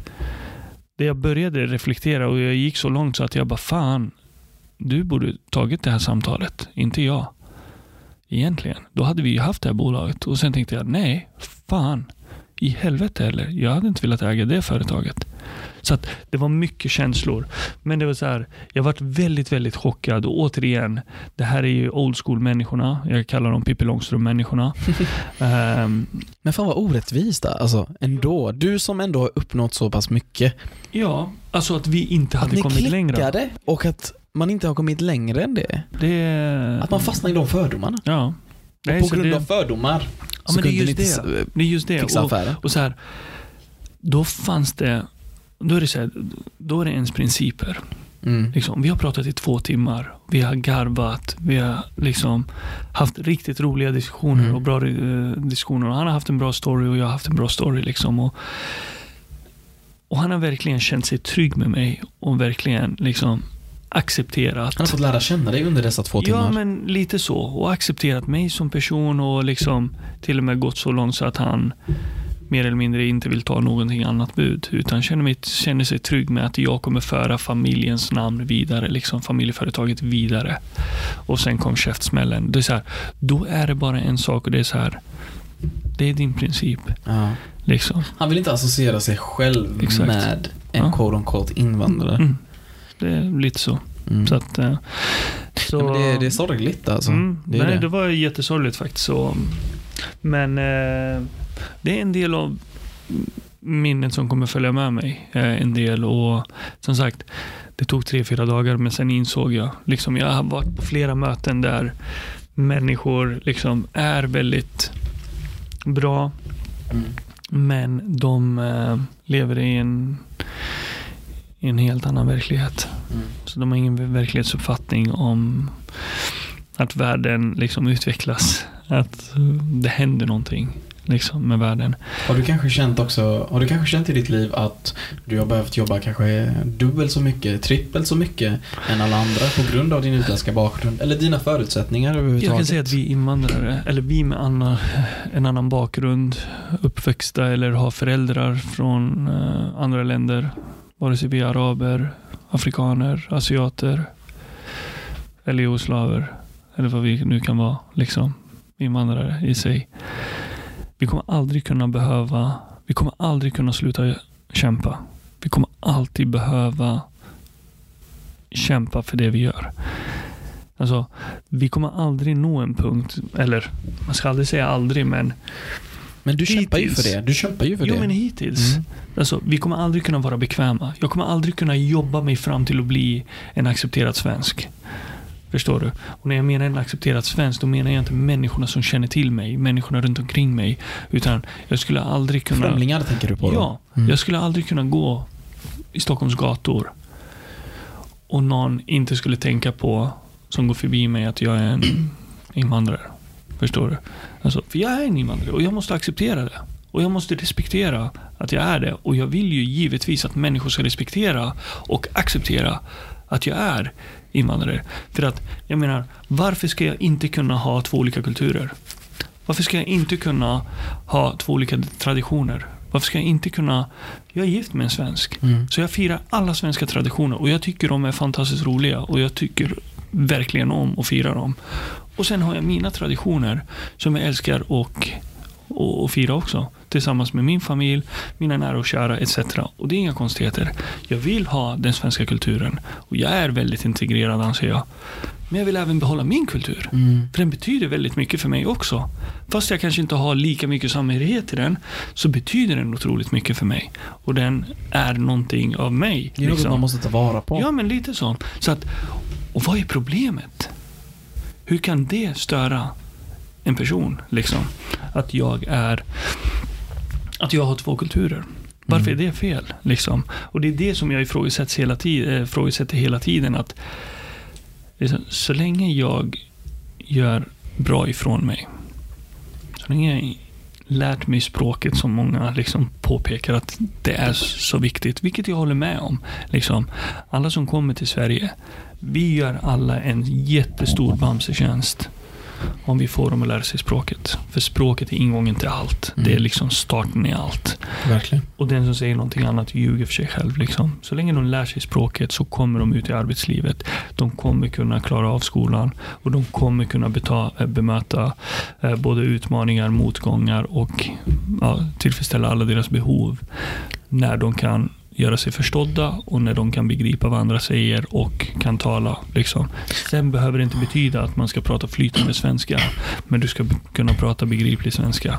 Jag tror det Liksom. handlar om att kunna bygga relationer och göra sig förstådd. Absolut. Kunna connecta med andra Absolut. människor. Absolut. Det är det det handlar om. För vi Absolut. människor bygger ju på kunskapen om varandra. Absolut. Och om vi inte kan kommunicera med varandra, Mm. det är ju A och O. Ja, ja, men så är det liksom. Och, och jag ska vara ärlig, jag, jag, jag känner mig mer svensk än en arab. Alltså, så är det bara. Men det är vad jag känner. Mm. Men sen vad andra ser mig som, det vet ju bara vad folk ser mig som.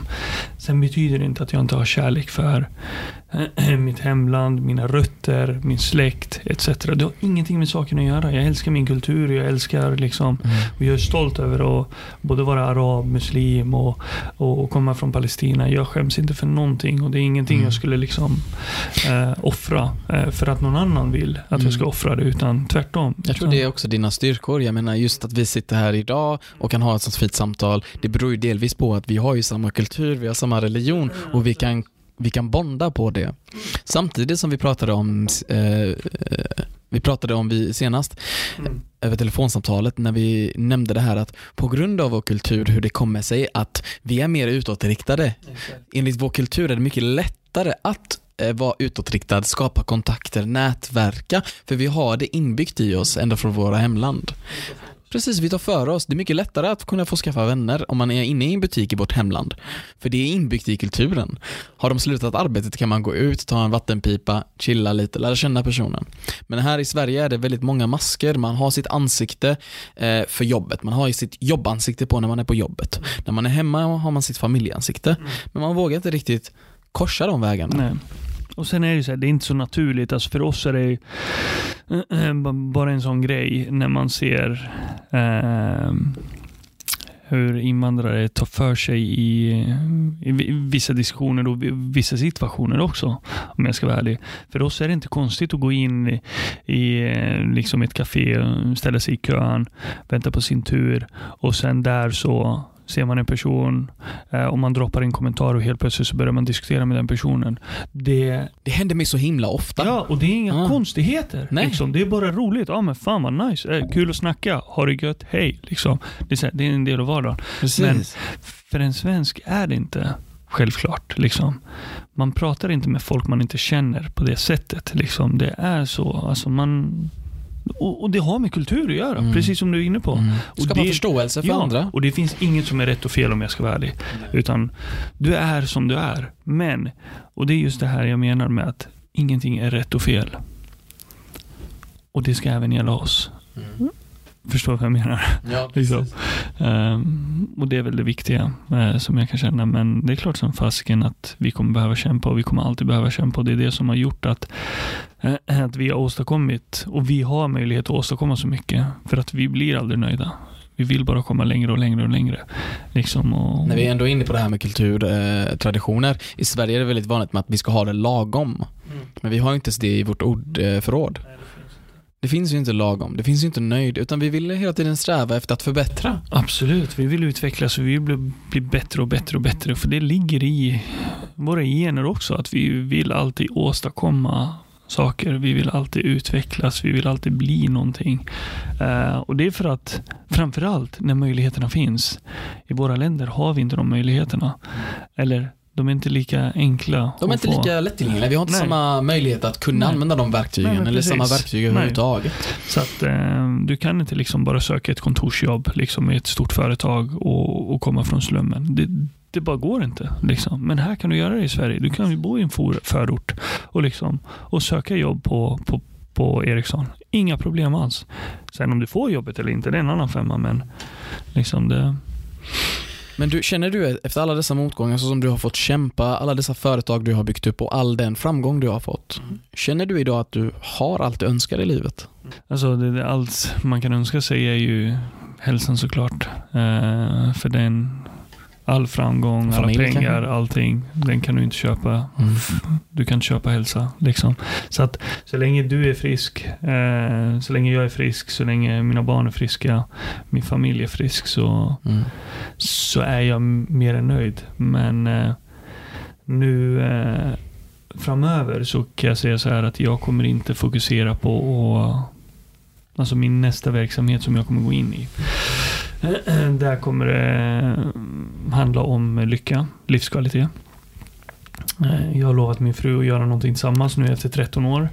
Eh, så sa hon att nu ska vi hitta någonting tillsammans där vi kan spendera vår tid tillsammans och vi ska se till att ha jäkligt roligt. Mm.